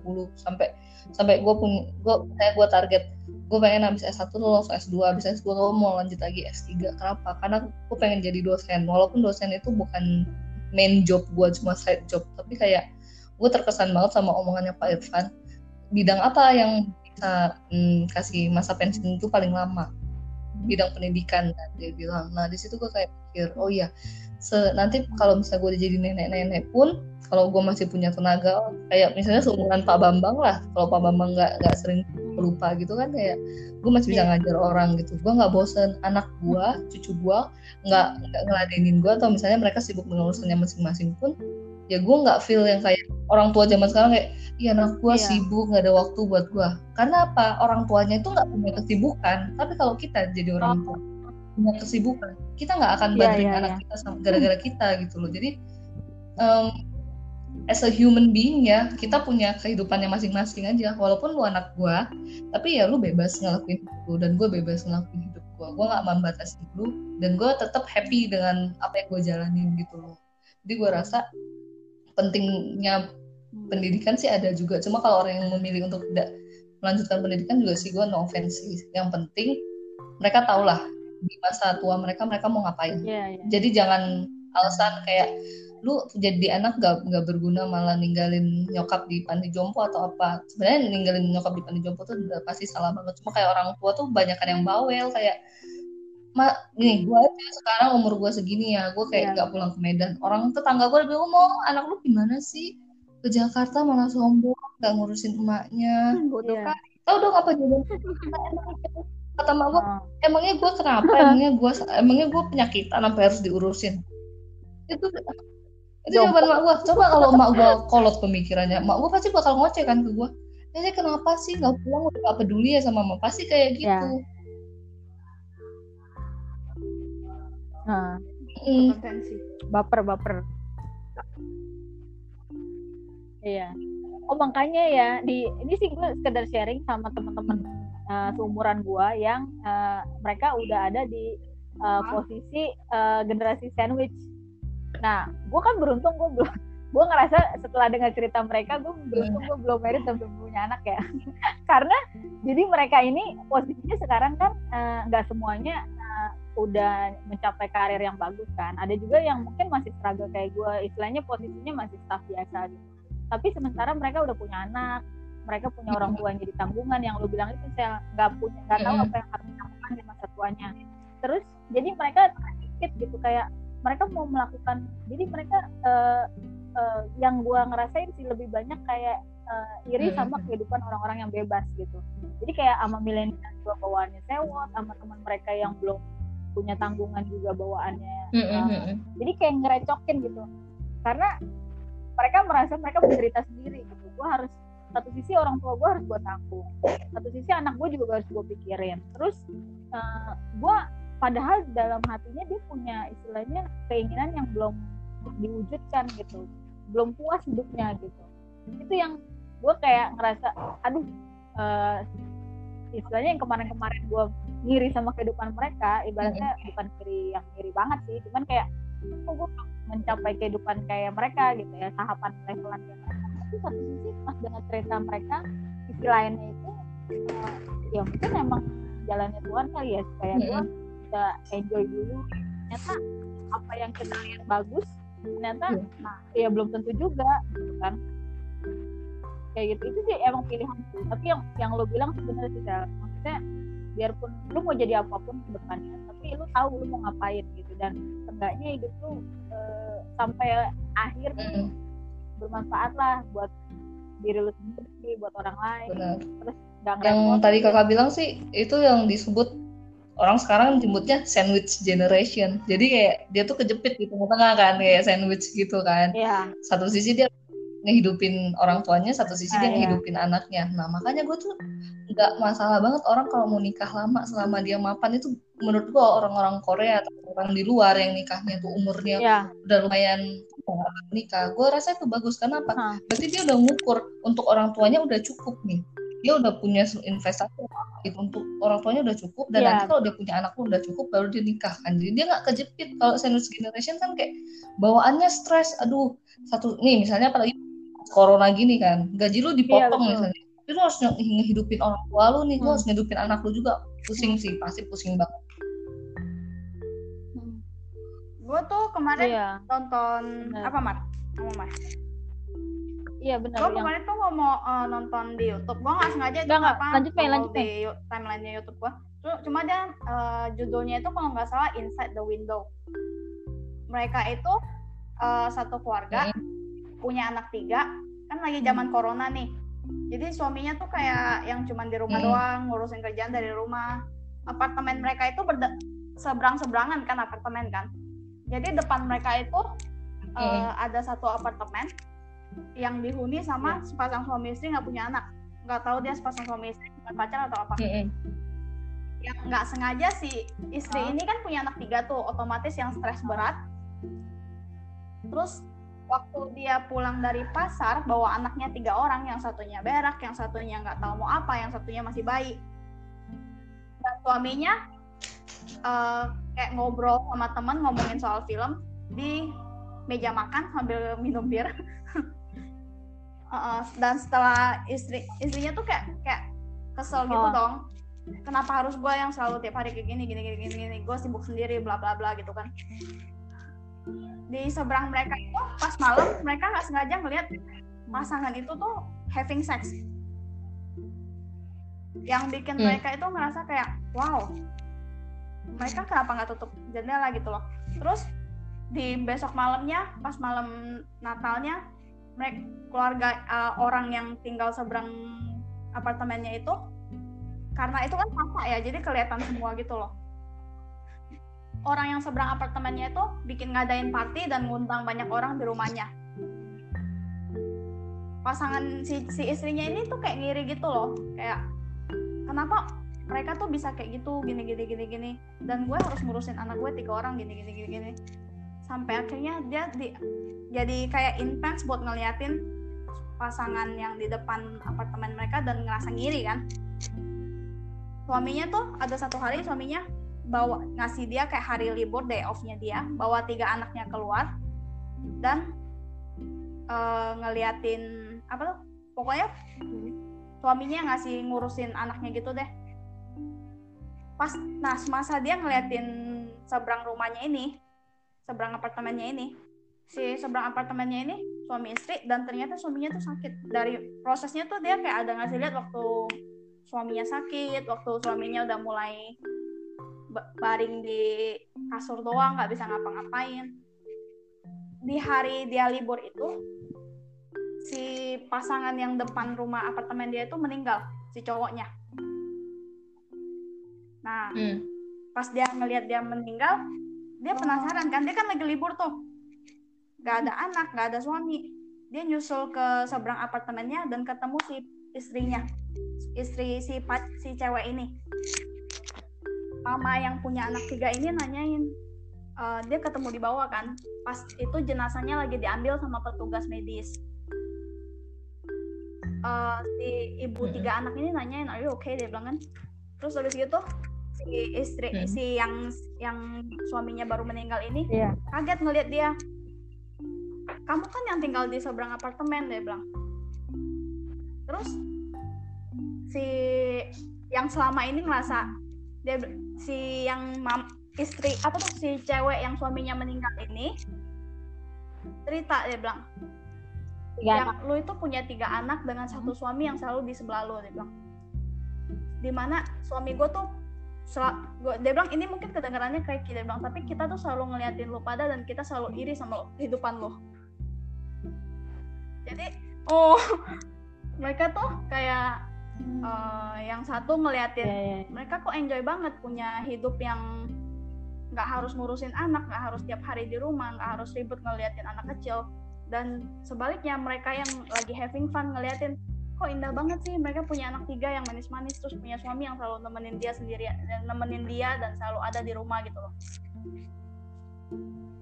dia baru pas dia pulang suaminya baru nanya Iya. gimana hari day off lu gitu loh dia baru sadar kalau ternyata yang indah itu ya bukan yang di luar dari jendela rumah orang tet- tetapi di dalam rumah dia sendiri juga sebenarnya udah indah juga cukup indah juga gitu. Gue nggak tahu kenapa itu ada di timeline gue. Iya. film tua banget. Ah, nggak tahu sih. Eh, kayak short movie gitu deh kayaknya pokoknya itu judulnya film kalau ya? nggak salah inside the, beauty inside the window atau apa gitu. Gue juga nggak ingat. Oh. nanti gue share linknya.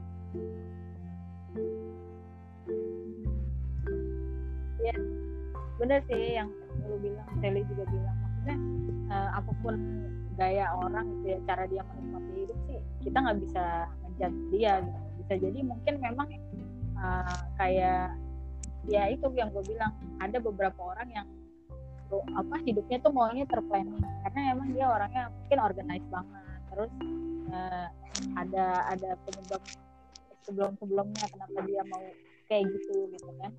Dia maunya hidup yang udah terjamin teratur gitu kan. Itu mungkin buat dia kepuasan tersendiri kan. Terus eh, bisa achieve target-targetnya itu menikah punya anak dan lain sebagainya. Itu kan eh, apa mungkin eh, buat beberapa orang itu goalnya dia gitu beda juga. Jadi ya itu dari situ gue mikir karena untungnya gue ada di eh, tempat-tempat yang nggak sama gitu. Kayak di kantor gue beda banget sama di kampus.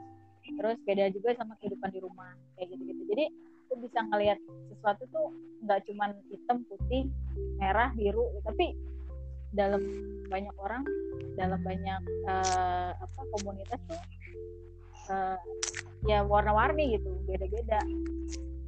Dan bikin gue juga jadi oh ya udah kalau gue beda juga nggak apa-apa gitu kan. Kayak yang penting lagi di dalam lu di diri lu sendiri happy lu jalanin ya ya pasti beda lah sama orang. Orang yang gak sepemikiran sama kita pasti akan anggap kita gila lah pasti akan anggap kita eh, nggak bertanggung jawab kan bisa jadi kayak gitu kan. Ya misalkan lu ntar udah spend uang banyak-banyak terus lu traveling lah buat eh, kalangan baby boomers itu pasti akan dianggap nggak bertanggung jawab. Ngapain sih mendingan pasti kan di pikiran yang kalau gue di kantor nih yang di pikiran mereka tuh yang mereka kasih ke gue inputnya adalah lu nabung punya rumah gini gini gini. Itu nggak buruk sih benar bisa jadi.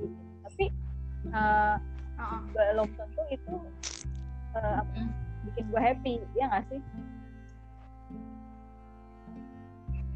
Kalau ngelihat eh, kehidupan backpacker itu kan satu sisi kayak ini orang kayaknya nggak mikirin masa depan banget sih. Kayak lu eh, tujuan lu adalah keliling dunia misalkan. Pokoknya target hidup lu adalah eh, lu datangin semua tempat yang ada di dunia ini gitu. itu kan goal hidup orang ya maksudnya. Tapi ngelihat dia yang kayak ya udah besok biar besok gue pikirin. Yang sekarang yang penting gue bener-bener full apa lo eh, life to the fullest. Gue aduh kayaknya ini banget ya seru banget tapi eh, satu sisi juga nggak bisa diterapin juga ke gue gitu satu ya tapi seru aja sih kalau ngeliat hidup orang Tapi yang beda-beda ngelihat backpacker hidupnya enak kan orang pasti ngeliatnya ih enak ya dia jalan-jalan terus yang orang nggak tahu tuh struggle-nya dia ngumpulin uang, dia saving money supaya dia bisa liburan. Terus pas liburan orang cuma bisa ngomong kayak, itu ngapain sih buang-buang duit uang? Kayak itu sakit hati banget sih. Lu nggak tahu jeripaya gue ngumpulin duit ini. Gue jalan-jalan gak pakai duit lu, tapi lu komennya kayak gitu. Parah sih. Gue gak suka banget orang kayak gitu. Iya. Nah makanya saya gue berusaha untuk pokoknya uh, kan ada beberapa juga temen gue yang uh, waktu itu pas gue ulang ulang tahun tuh. Nah gue kan uh, merasa gue harus uh, ya nggak nggak harus traktir semua orang sih cuman kayak ya apalah sarapan atau kayak gitu terus siapa lagi ya gue ngitung-ngitung gitu. Temen gue ada satu yang nyeletuk gini. Makanya jadi orang tuh jangan kebanyakan temen. Gue langsung yang waduh gawat nih. Ini toxic banget nih orang kayak gini nih. Satu sisi kalau emang lu introvert dan gak suka uh, punya banyak temen ya itu hak lu gitu terserah lu. Lu mungkin gak nyaman kalau tapi sisi lain uh, untuk orang kayak gue gue ngerasa temen tuh invest gitu. Invest bukan berarti lu nyari keuntungan dari temen lu tapi uh, lu punya hubungan sama banyak orang buat gue itu nggak tahu gue senang aja kenal banyak Iya, buat gue kenal banyak Tapi orang bagus sih kak, gue gue setuju banget. Soalnya um, gue pernah dengar siapa ngomong udah lupa deh. Dia bilang gini, kamu hidup itu nanti pas kamu mati orang itu inget apa dari kamu? Kamu tahu nggak nanti misalnya kamu mati orang tuh mikirnya oh iya dia baik banget orangnya semasa hidupnya gitu. Nah gimana caranya pas nanti kamu meninggal terus orang itu punya image tentang diri kamu adalah kamu bangun brand image diri kamu sendiri. Kamu orangnya kayak gimana? Friendly misalnya. Ya berarti kamu friendly, kamu sapa semua orang gitu. Jadi nanti ketika kamu udah nggak ada di dunia ini, ada impact yang tersisa ke orang-orang yang masih inget kamu adalah ide orangnya ramah banget atau enggak semasa hidup kamu ketika kamu udah bangun brand image diri kamu pun kamu bisa menginspirasi mereka untuk menjadi orang yang seperti itu. Kayak kita kalau ngeliat orang yang ramah gitu kan kayaknya ramah terus tapi dia sopan ya kan enak banget ngeliatnya kayak sama semua orang dia sapa gitu. Jadi um, mau nggak mau sih kita terinfluence sih untuk kayak gitu juga. Dulunya gue tuh kayak males banget nyapa OB Ukrida gitu. Cuma pas gue denger nih orang ngomongin brand branding diri kamu tuh apa, kamu mau jadi orang yang seperti apa, dia, hmm. bahkan dia bilang kak saya sama um, office boy kantor saya aja. Um, saya sapa dia ramah sama dia. One day ketika dia kesusahan ini beneran sih. Dia bilang ketika dia kesusahan kantornya kebanjiran dia nggak bisa pulang. Sekarang nggak ada gojek nggak nggak ada yang bisa kan nggak bisa yang nerobos jalannya kan. OB ini dong yang nganterin dia pulang.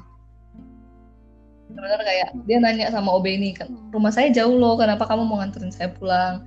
Terus kata si OB-nya Iya soalnya hmm, kakak paling ramah sama saya di antara yang lain. Kakak paling baik. Kayak kakak tuh nganggep saya ada gitu. Yang lain kan cuma saya apa sih kak? Orang kecil gitu. Bener-bener kayak lu ngelakuin kecil tapi hal kecil itu ya, ada ya. impactnya. Walaupun nggak langsung ya. Kayak ketika lu kesusahan atau apa bukannya kita mengharapkan ketika kita kesusahan ya. ada orang yang membantu tapi kalau lu nggak tahu lu nggak kenal siapa-siapa dan lu menjalani hidup menjadi orang yang jahat gua rasa nggak ada orang yang akan kecewa ketika kehilangan lu gitu loh. Kayak orang meninggal oh bagus deh akhir mati juga tuh ah, orang. iya. karena ada orang yang begitu kan. Tapi kalau misalnya masa hidup lu baik ya waktu lu meninggal tuh orang kayak bener-bener merasa kehilangan bener-bener merasa sedih dan shock gitu loh kayak jangankan lu kehilangan lu terjadi kecelakaan yang nimpah lu aja mereka pasti bakal kayak ya ampun kasihan banget orang sebaik ini loh ya kan. Pasti ada yang rasanya gitu. Makanya gue rasa branding diri tuh penting banget kayaknya sih. ada buku yang kayak lu bilang itu dasar yang kalau nggak gue nggak ingat judulnya pasti tapi kayak pernah judulnya siapa yang siapa yang nangis di pemakaman gue gitu loh. Ada bukunya tapi gue nggak gue hmm. gue belum baca ya cuman kayak gue pernah lihat judulnya yang kayak gitu gitu penasaran gak sih gue jadi pengen cari pengen gue wah kita udah sejam lagi loh guys iya. Gak berasa ya ngobrol doang padahal. Iya, enaknya enaknya di talk iya. tuh kayak gitu. Gak iya, berasa. bener gak berasa. Tahu-tahu berarti kita uh, ngobrol itu dua jam.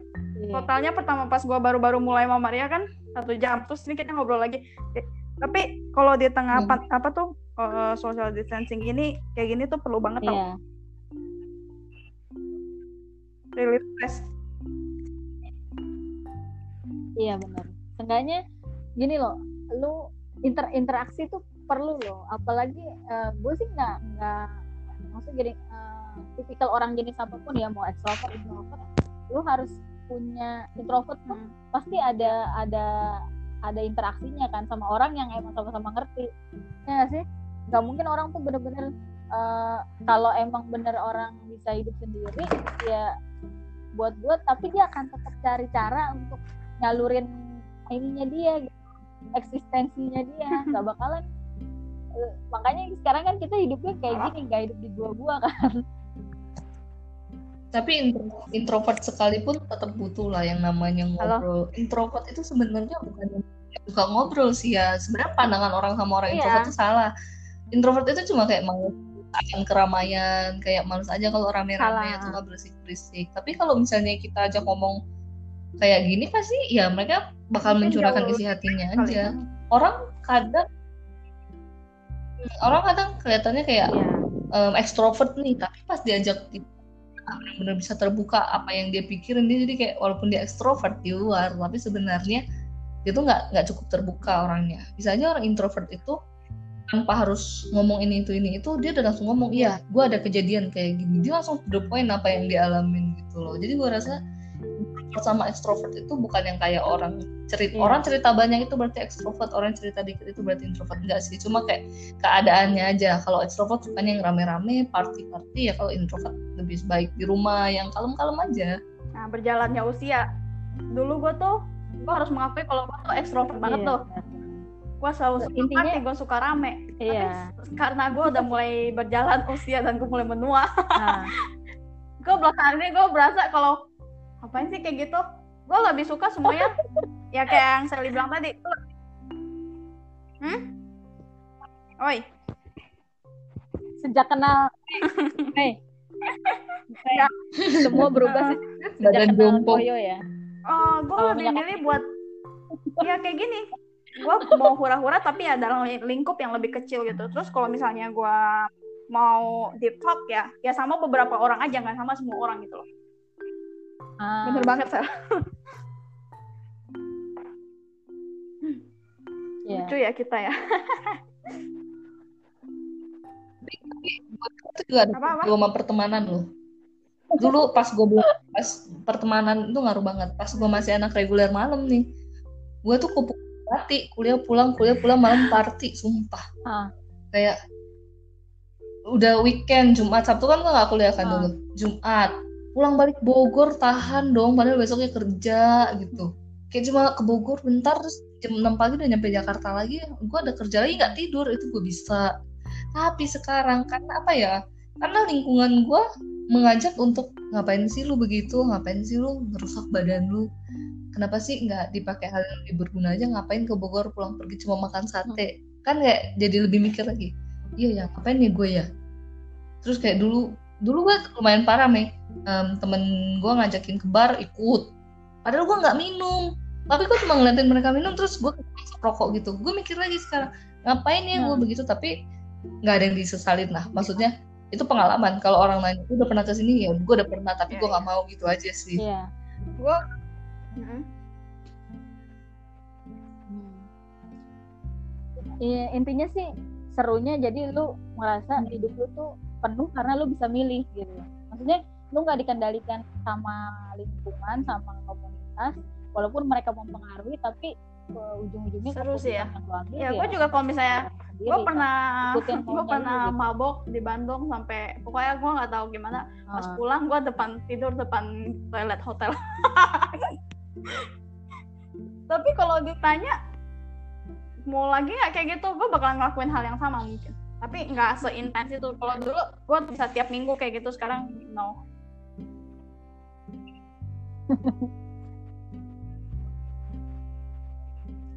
Uh, berarti gue gue termasuk yang ini ya. Gue gue nggak nggak nggak sampai ke situ sih. Ya itu dia tergantung pergaulan juga ya. Walaupun keluarga gue sepupu gue ada yang kayak gitu hobi bar gitu aja udah diajakin gue nggak minat. Mungkin karena emang gue nggak senang ke tempat kayak gitu. Apa? Hmm. mungkin salah satu faktor utamanya sih gue alergi asap rokok. Itu yang itu yang menghalangi gue untuk ke tempat-tempat kayak gitu. Tapi kalau soal kehidupan malam yang gak berguna ya ya itu gue alamin gitu. Bisa bisanya besok kerja terus pulang hampir tiap hari terus pulang Hmm, jam dua belas jam dua belas gitu. Cuma buat duduk makan nongkrong ngobrol gitu doang gitu tapi ya bener yang dibilang Sally itu gue nggak sesalin sih karena eh, Pengalaman ya. pada masanya itu Iya, menarik banget banget. gitu Banget banget. ya nggak sih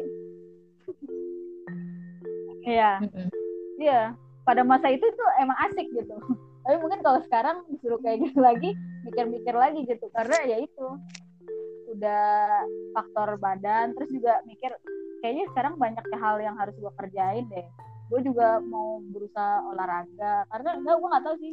Gue pengen aja umur umur gue udah jompo tuh gue tetap bisa seenggaknya nggak sakit lah. Iya. nggak sakit yang sampai ngerepotin gitu loh. Maksudnya biarpun kita tua Mm. tapi kita masih bisa ya jalan ke mana-mana gitu. Nggak terhalang. Makanya gue gue gue gue nggak mau kurus banget tapi gue juga nggak mau obes gitu. Supaya gue eh, ngapa-ngapain tuh gue masih bisa gitu.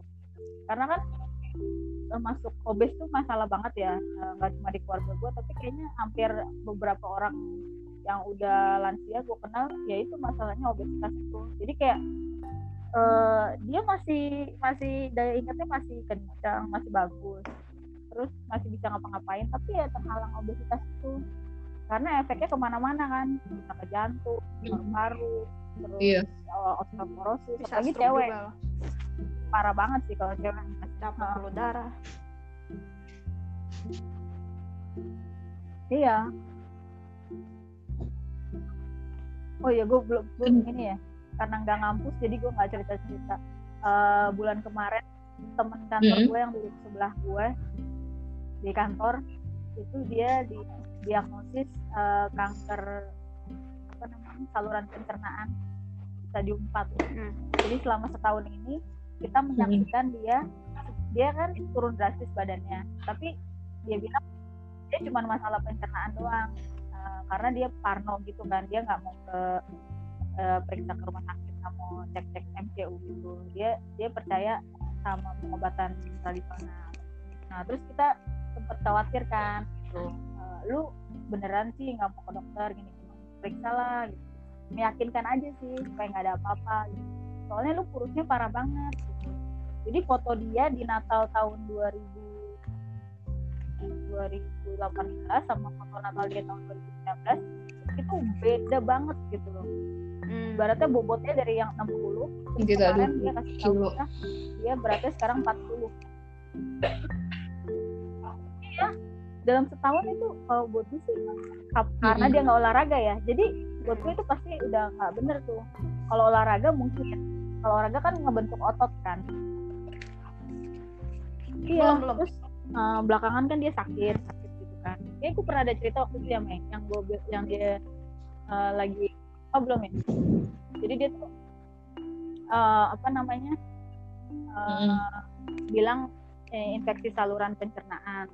Terus dia eh, sering ke kantor sering telat terus sering nggak masuk kayak gitu gitu tapi dia nggak ini nggak berusaha cari tahu dia tuh kenapa badannya kenapa. Padahal secara eh, bahasanya gue nih badan tuh udah ngasih tanda-tanda Hmm, ignorance. ada yang nggak beres badannya. Tapi dia kayak ignore. Mungkin karena dia parno juga kali ya. Nah, akhir hmm, akhirnya udah udah parah. Udah mungkin udah keluarganya juga udah khawatir.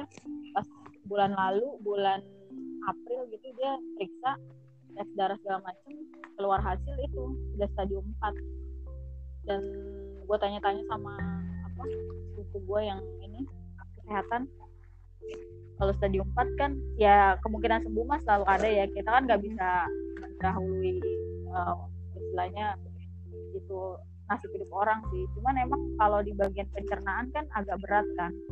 Eh, sebelum teman gue cerita tuh eh, sepupu gue udah ngasih tahu duluan nanti ya tahapannya itu dia akan di Hmm. perutnya akan dioperasi khususnya dikeluarin supaya dia bisa pup normal. Jadi dia pakai kantong gitu. Nah habis itu baru kemo. Setelah kondisinya fit buat ngilangin sel kankernya. Dan efeknya tuh ini banget sih emang berat banget sih. Dan berapa hari setelah saudara sepupu gue ngasih tahu memang benar dia bilang gue harus Hmm. di apa usus eh, sa- yang harusnya dia pup lewat pantat tuh dia ususnya dikeluarin gitu main pakai kantong nah, dipakein kantong itu Hmm. ngenes banget sih soalnya Dari unconnect. ya gimana sih perasaan ya kan Ada emang ada beberapa orang sih Mar yang kayak gitu Mar. oh iya sedih banget sih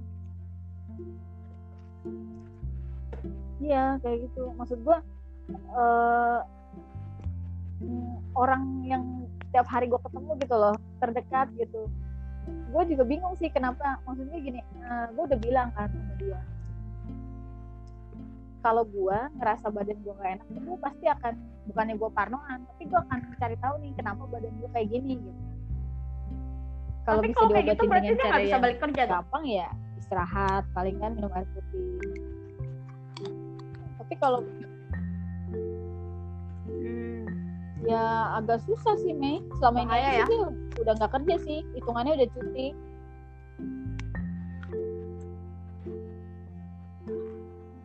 Iya. Masalahnya kalau sekarang bukan soal ini sih. Gue juga nggak tahu ya.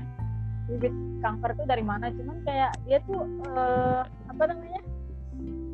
Nggak Oh ini, dia nggak yang aneh-aneh gitu ya? eh, hidup hidupnya tuh sehat Mei. Sehat banget malah Ah, nggak ya bisa dibilang nggak minum-minum nggak makan yang aneh pokoknya bener-bener dia jaga makan. Nah itu juga gue nggak ngerti tuh kenapa. Tapi dia termasuk yang